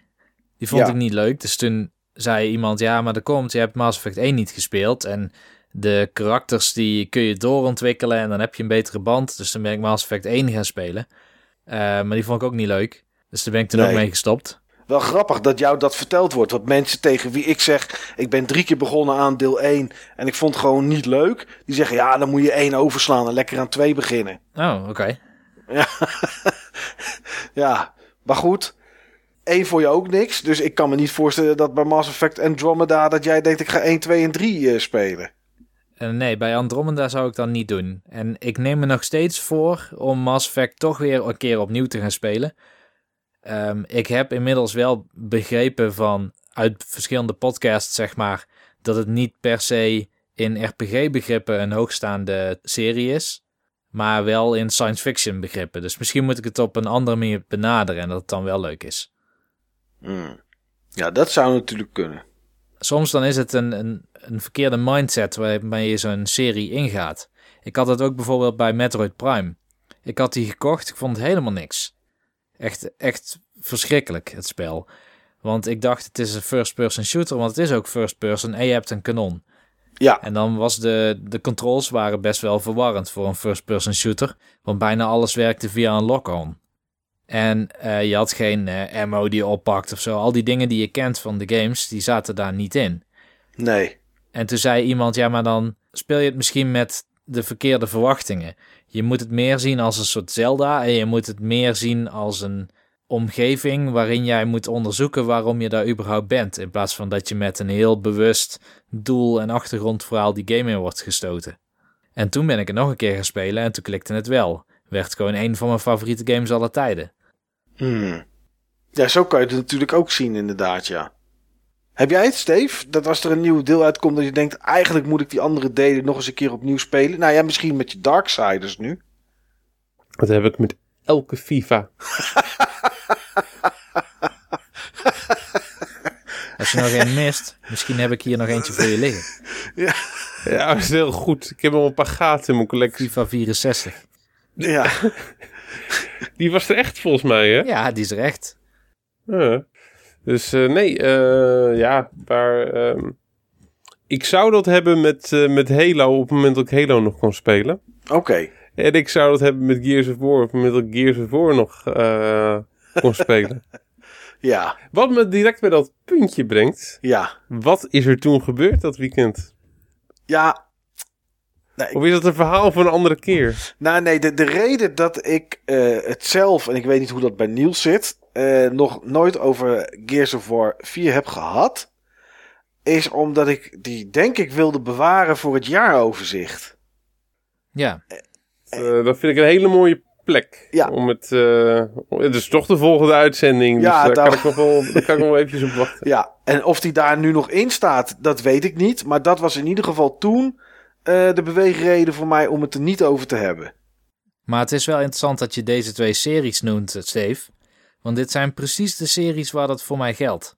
Ik heb Gears of War 1 tot en met 3 elk minimaal drie keer uitgespeeld. En Judgment nooit dan, die, uh, dat, dat bijdeel zeg maar. Maar uh, voor Gears of War 4 heb ik niet nog een keer alles helemaal uitgespeeld. Omdat ik dacht van ja, ik heb het nu al wel drie keer gedaan. Maar Halo, om zo'n ding te noemen. Ik ben laatst ook gewoon aan Halo 2 begonnen. En waarom? Die heb ik vroeger niet eens ooit gespeeld. Maar ik wil niet um, aan Halo 5 zomaar beginnen. Zonder dat ik die oudere delen ook meegemaakt heb. En het is trouwens een mooie remaster hoor, Halo 2. Oh, je hebt echt de remaster gespeeld? Ja. Ja, dat is een goeie. Absoluut. Ik begrijp wel waarom het uh, zo'n gerenommeerd deel is ook in, uh, qua singleplayer campaign. Ik ga weer even opstaan. Ik, ik weet niet of de singleplayer campaign zo gerenommeerd was. Nee, weet je dat niet? Volgens mij, um, volgens mij vonden heel veel mensen juist de campaign tegenvallen. Oké, nou ik niet in ieder geval. Oké, okay, bij mij ik, ik, vond, ik vond ook tof. Deel. Een paar mooie, paar mooie set pieces. Maar uh, hij, veel mensen vonden dat hij vrij plotseling over was met, uh, met die cliffhanger. Ja, daar ben ik nog niet, hè, Steve. Maar Oeh, wat wel is, ja. is um, het heeft waarschijnlijk niet zo'n verhaal als deel 1. En deel 1, dat was ook best wel episch als je er zo over nadenkt. Überhaupt qua verhaal waar je naar een uh, planeet komt waar je eerst nog moet ontdekken wat voor planeet het is. En je komt erachter dat het niet is wat je dacht dat het was. En dat je op zoek gaat naar een commander. En die, die vind je dan ook. Maar ook daar uh, sluiten je verwachtingen niet aan bij de werkelijkheid. Zeg maar, ik vond dat wel een best wel goed geschreven context voor een game. En in deel 2 is het wel meer Call of Duty-achtig. Tenminste, waar ik nu ben. Ik, ja, ik vond het ook een goed verhaal met de Arbiter. Dat je natuurlijk ook zeg maar af en toe in uh, de verhaallijn van uh, tegenstanders uh, duikt. Ja, die zijn ook menselijk op een bepaalde manier. Ja. Ik heb zojuist aan de linkerkant van mijn bord Halo de Master Chief Collection geschreven. Goed zo. Dit is een slechte uitzending, uh, jongens, voor, uh, voor, mijn, uh, voor mijn linkerkantje van het bord. allemaal van naar je pensioen ook, of wat? Nou, ik weet het echt niet. Ik ga er wel iets van afhalen, gelijk. En dat is Tomb Raider, die nieuwe. Welke? alle twee. Oh, Allebei, oké. Ja, die game, waar ik het vorige keer in de uitzending over had, die gameplay, die, die hoef ik ja, voorlopig niet terecht dat het er vanaf gaat. Dat, daar was je volgens mij wel klaar mee. Ja, dus die, uh, die, heb ik, uh, die heb ik doorgestreept. Dus dan uh, is het nog een beetje evenwichtig, zullen we maar zeggen. Jeetje. Ja, maar terug van, van Halo, de Master Chief Collection, weer naar Gears of War, zeg maar. Ja, de reden dat dat natuurlijk nu niet kan, Steve, om die te herspelen, ja, kan wel. Maar het nut er niet is, is omdat je natuurlijk nu geen Xbox One hebt, zeg maar, om de nieuwe Gears te spelen. Ja, dat klopt. En ik zou natuurlijk wel die eerste drie delen en dat vierde deel, wat geen vier heet. Ja. Die zou ik natuurlijk wel kunnen spelen op mijn uh, Xbox 360, maar daar doe ik eigenlijk niks mee. Nee. Nee, op de Xbox One zijn ze natuurlijk ook wel te spelen, maar uh, ja, goed, het uh, heeft niet zoveel nut als je die niet hebt, zeg maar. Is Dan, je PC niet krachtig genoeg? Voor Gears of War 4? Voor Gears of War 4 sowieso niet. Oké. Nee, dat wordt misschien een beetje, dat wordt misschien een beetje zeuren inderdaad. Het wordt een beetje, wordt een beetje naadje. Ja. Ik heb trouwens nog een serie die is voor mij wel oneindig herspeelbaar. En ik, ik speel hem ook al zo ontzettend lang. Monster Hunter? Mario oh, Kart? Niet eens aan gedacht. Mario Kart, oneindig herspeelbaar. Maar ja, dat is natuurlijk wel een ander type spel. Um, Fire Emblem. Oh, ja ik kan die opnieuw spelen en dan een andere moeilijkheidsgraad. Uh, proberen een, jezelf een soort uitdaging op te leggen. Zoals ik bijvoorbeeld bij uh, Fire Emblem Birthright had gedaan van Fates. Dat ik met eh, een aantal boogschutters een keer het spel probeer uit te spelen. In plaats van allerlei magiërs wat ik meestal heb. Ja, dat is wel een, een, een, een, een herspeelbare reeks voor jou inderdaad, ja. Ja. Ja, dat is wel een goeie. Ja, ik zit hier eventjes naar mijn bord te kijken. Er staan ook games op dat ik eigenlijk denk, misschien moet ik die ook gewoon eraf strepen.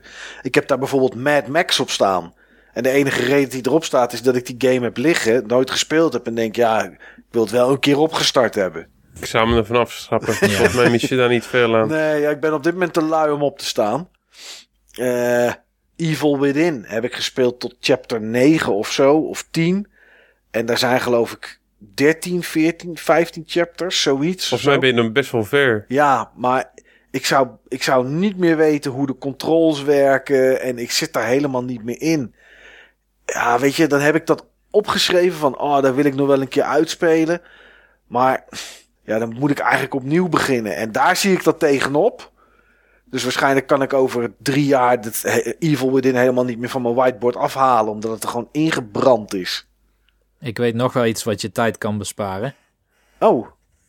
Ik denk niet dat jij alle Halo games gaat spelen. Oh. Want ook al zijn die remasters heel goed, ja. het zijn vooral remasters voor mensen die die vroeger ook hebben beleefd, die games. Ja, die, die tijdsgeesten, Ja, die zit daar een beetje bij in de weg. Ik denk het ook. want Ja, het is ik- vooral een visuele remaster. Ja, maar ja, toch, toch wil ik het wel een keer opstarten. Wil ik het wel een keer verder spelen. Ik heb, ik heb 1 en 2 en zo wel een stuk gespeeld. Tenminste, een klein stuk. Maar ik wil het toch, toch wel nog een keer proberen. Ja. Ja, dat is gewoon de eigen wijsheid of zo. Ik weet het niet. Maar ja, ik heb bijvoorbeeld ook Wildstar en, Gears, eh, en Guild Wars 2 erop staan. Die MMO's. Wildstar is inmiddels free-to-play. Guild Wars 2 had ik gekocht. Ja, dat is waarschijnlijk één avond en dan kan het eraf. Weet je, daar heb ik ook heel veel titels van.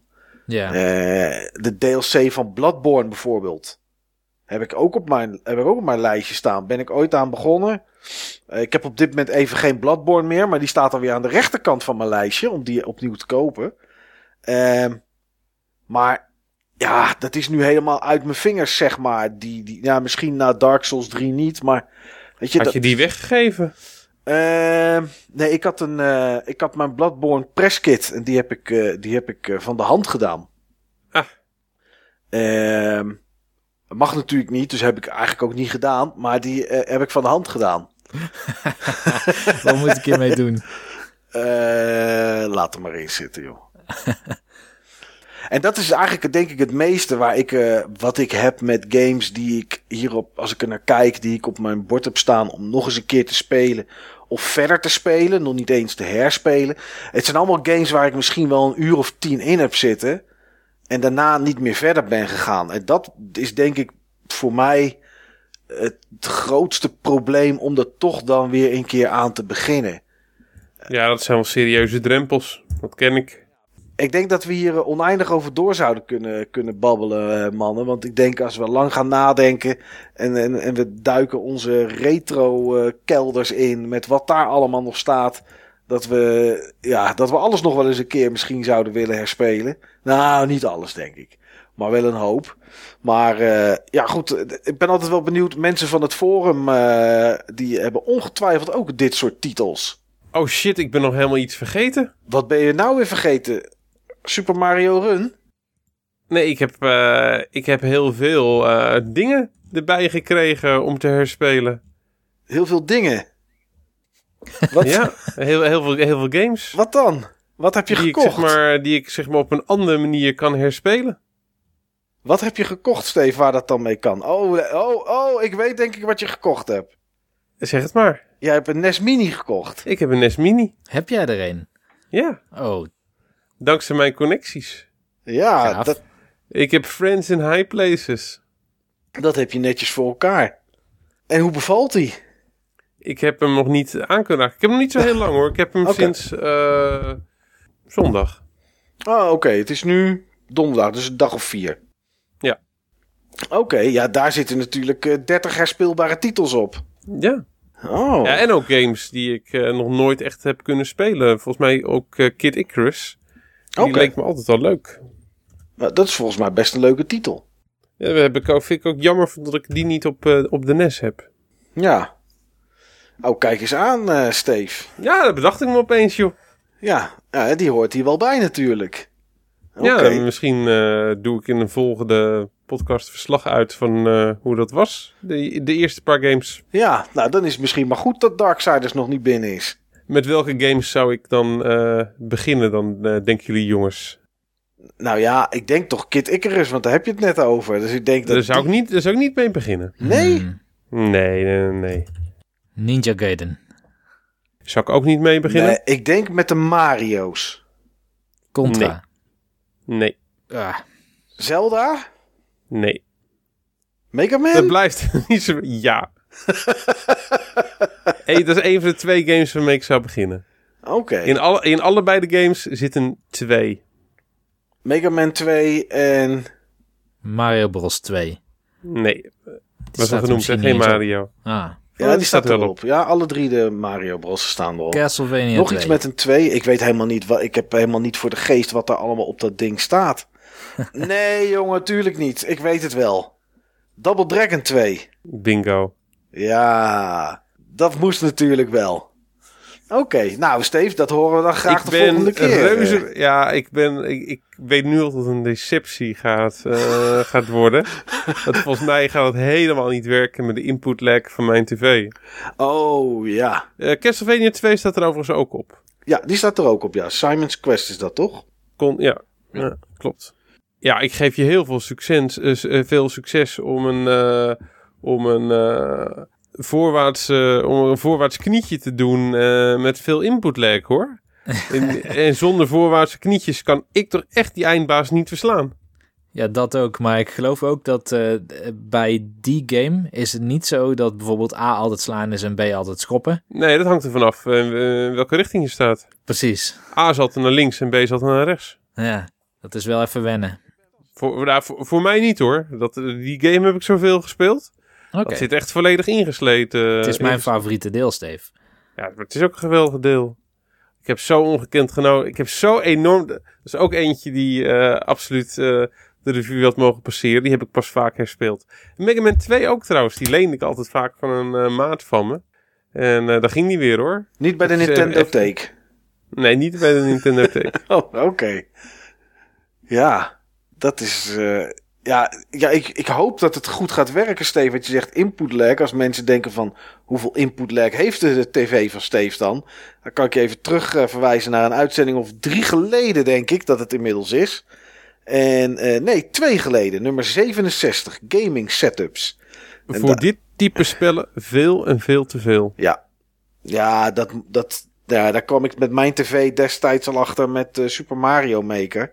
Dat had natuurlijk precies hetzelfde, Steve veel te veel input lag. En ik kwam er uh, afgelopen week kwam ik erachter toen ik de nieuwe flipperkasten van Zen Pinball aan het spelen was. was. Toen uh, is het Bethesda pack uitgekomen met uh, Fallout, Doom en Skyrim als flipperkasten.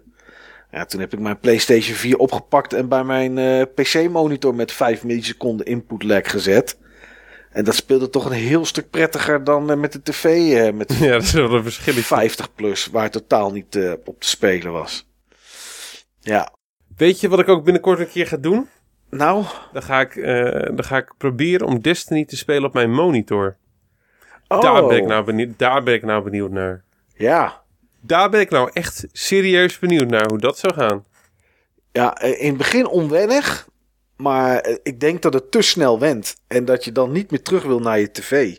De volgende keer dat de Iron Banner is, ik sluit hem aan op mijn monitor. Moet ik wel eventjes van tevoren nog wat dingetjes voor bestellen. Maar daar heb ik er mooi nog eventjes tijd voor. Maar dat vind ik wel een mooi experiment. Jouw monitor kan niet gewoon HDMI, uh, Steve? Uh, nee, volgens mij heb ik een monitor met DVI. Oké. Dus moet je, het is gewoon simpel om... Uh, ja, ja, ja. Omzet stukje omzetstukje waarbij ik ook het geluid er dan af kan trekken. Ja, precies. Dan met twee tulpjes of wat dan ook. Uh. Prima, dat uh, is uh, niet zo moeilijk. Nee, nou dat is wel eens een keer proberen waard inderdaad. Ik weet in ieder geval dat met, met zijn pinball dat het heel erg veel verschil maakt. En ik merk natuurlijk met Dark Souls 3 spelen op, op PC, ter vergelijking met de PS4, dat het ook heel veel verschil, heel veel verschil bracht. Dus wie weet uh, Destiny, iedereen, Destiny uh, iedereen van de planeet af, uh, Steve. Ja, wie weet. Ja. Nou, dat is, ja, het is zeker een keer proberen waard.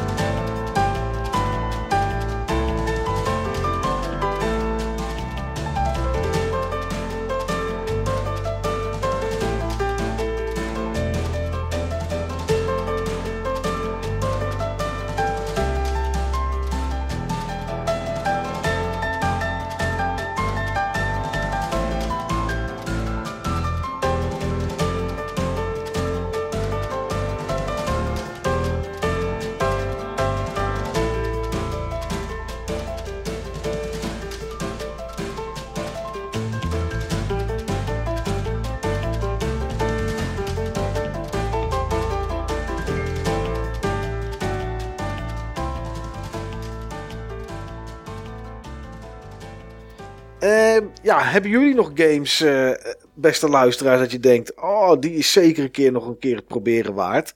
Ja, laat het even weten. Topic op het forum uh, is, is denk ik de meest uitgewezen plek om dat te doen. En of misschien zitten er titels bij die we vanavond genoemd worden. Dat je zegt van nou, die heb ik al eens een keer opnieuw gespeeld een jaartje geleden. Blijf er maar vanaf, want het is echt zonde van je tijd. Dan, ja, dan worden wij natuurlijk ook graag behoed, zodat we daar niet onze, onze kostbare tijd aan hoeven te besteden. En uh, ja, wat jou zei, Steven, we gaan ons opmaken voor, uh, voor de volgende uitzending. En dat is dan het jaaroverzicht. En, uh, ik heb er al zin in. Ik heb er echt zin in. Ik ook. En ik heb, oh, ik heb een lijst, jongens, met games waar ik naar uitkijk in 2017. Het is niet normaal. Je zou dan, gaan we de vol dan gaan we de volgende keer alles over horen. Ja, je zou denken van die Mike zit te jokken, want uh, hij wil ander soort games wil die spelen.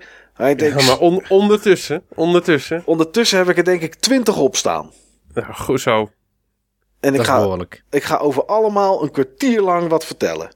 Maar Niels, Niels, ga er maar op zoek naar wat extra toeltjes om de podcast verder te robotiseren. Want ik hoor het al, die heb je nodig, jong. Ja. ja.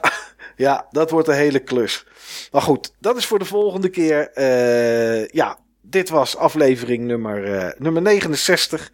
En uh, bedankt iedereen voor het luisteren. Jongens, ik vond het weer gezellig. En nou ja, op naar, naar het einde van het jaar, naar het jaaroverzicht. Tot de volgende keer.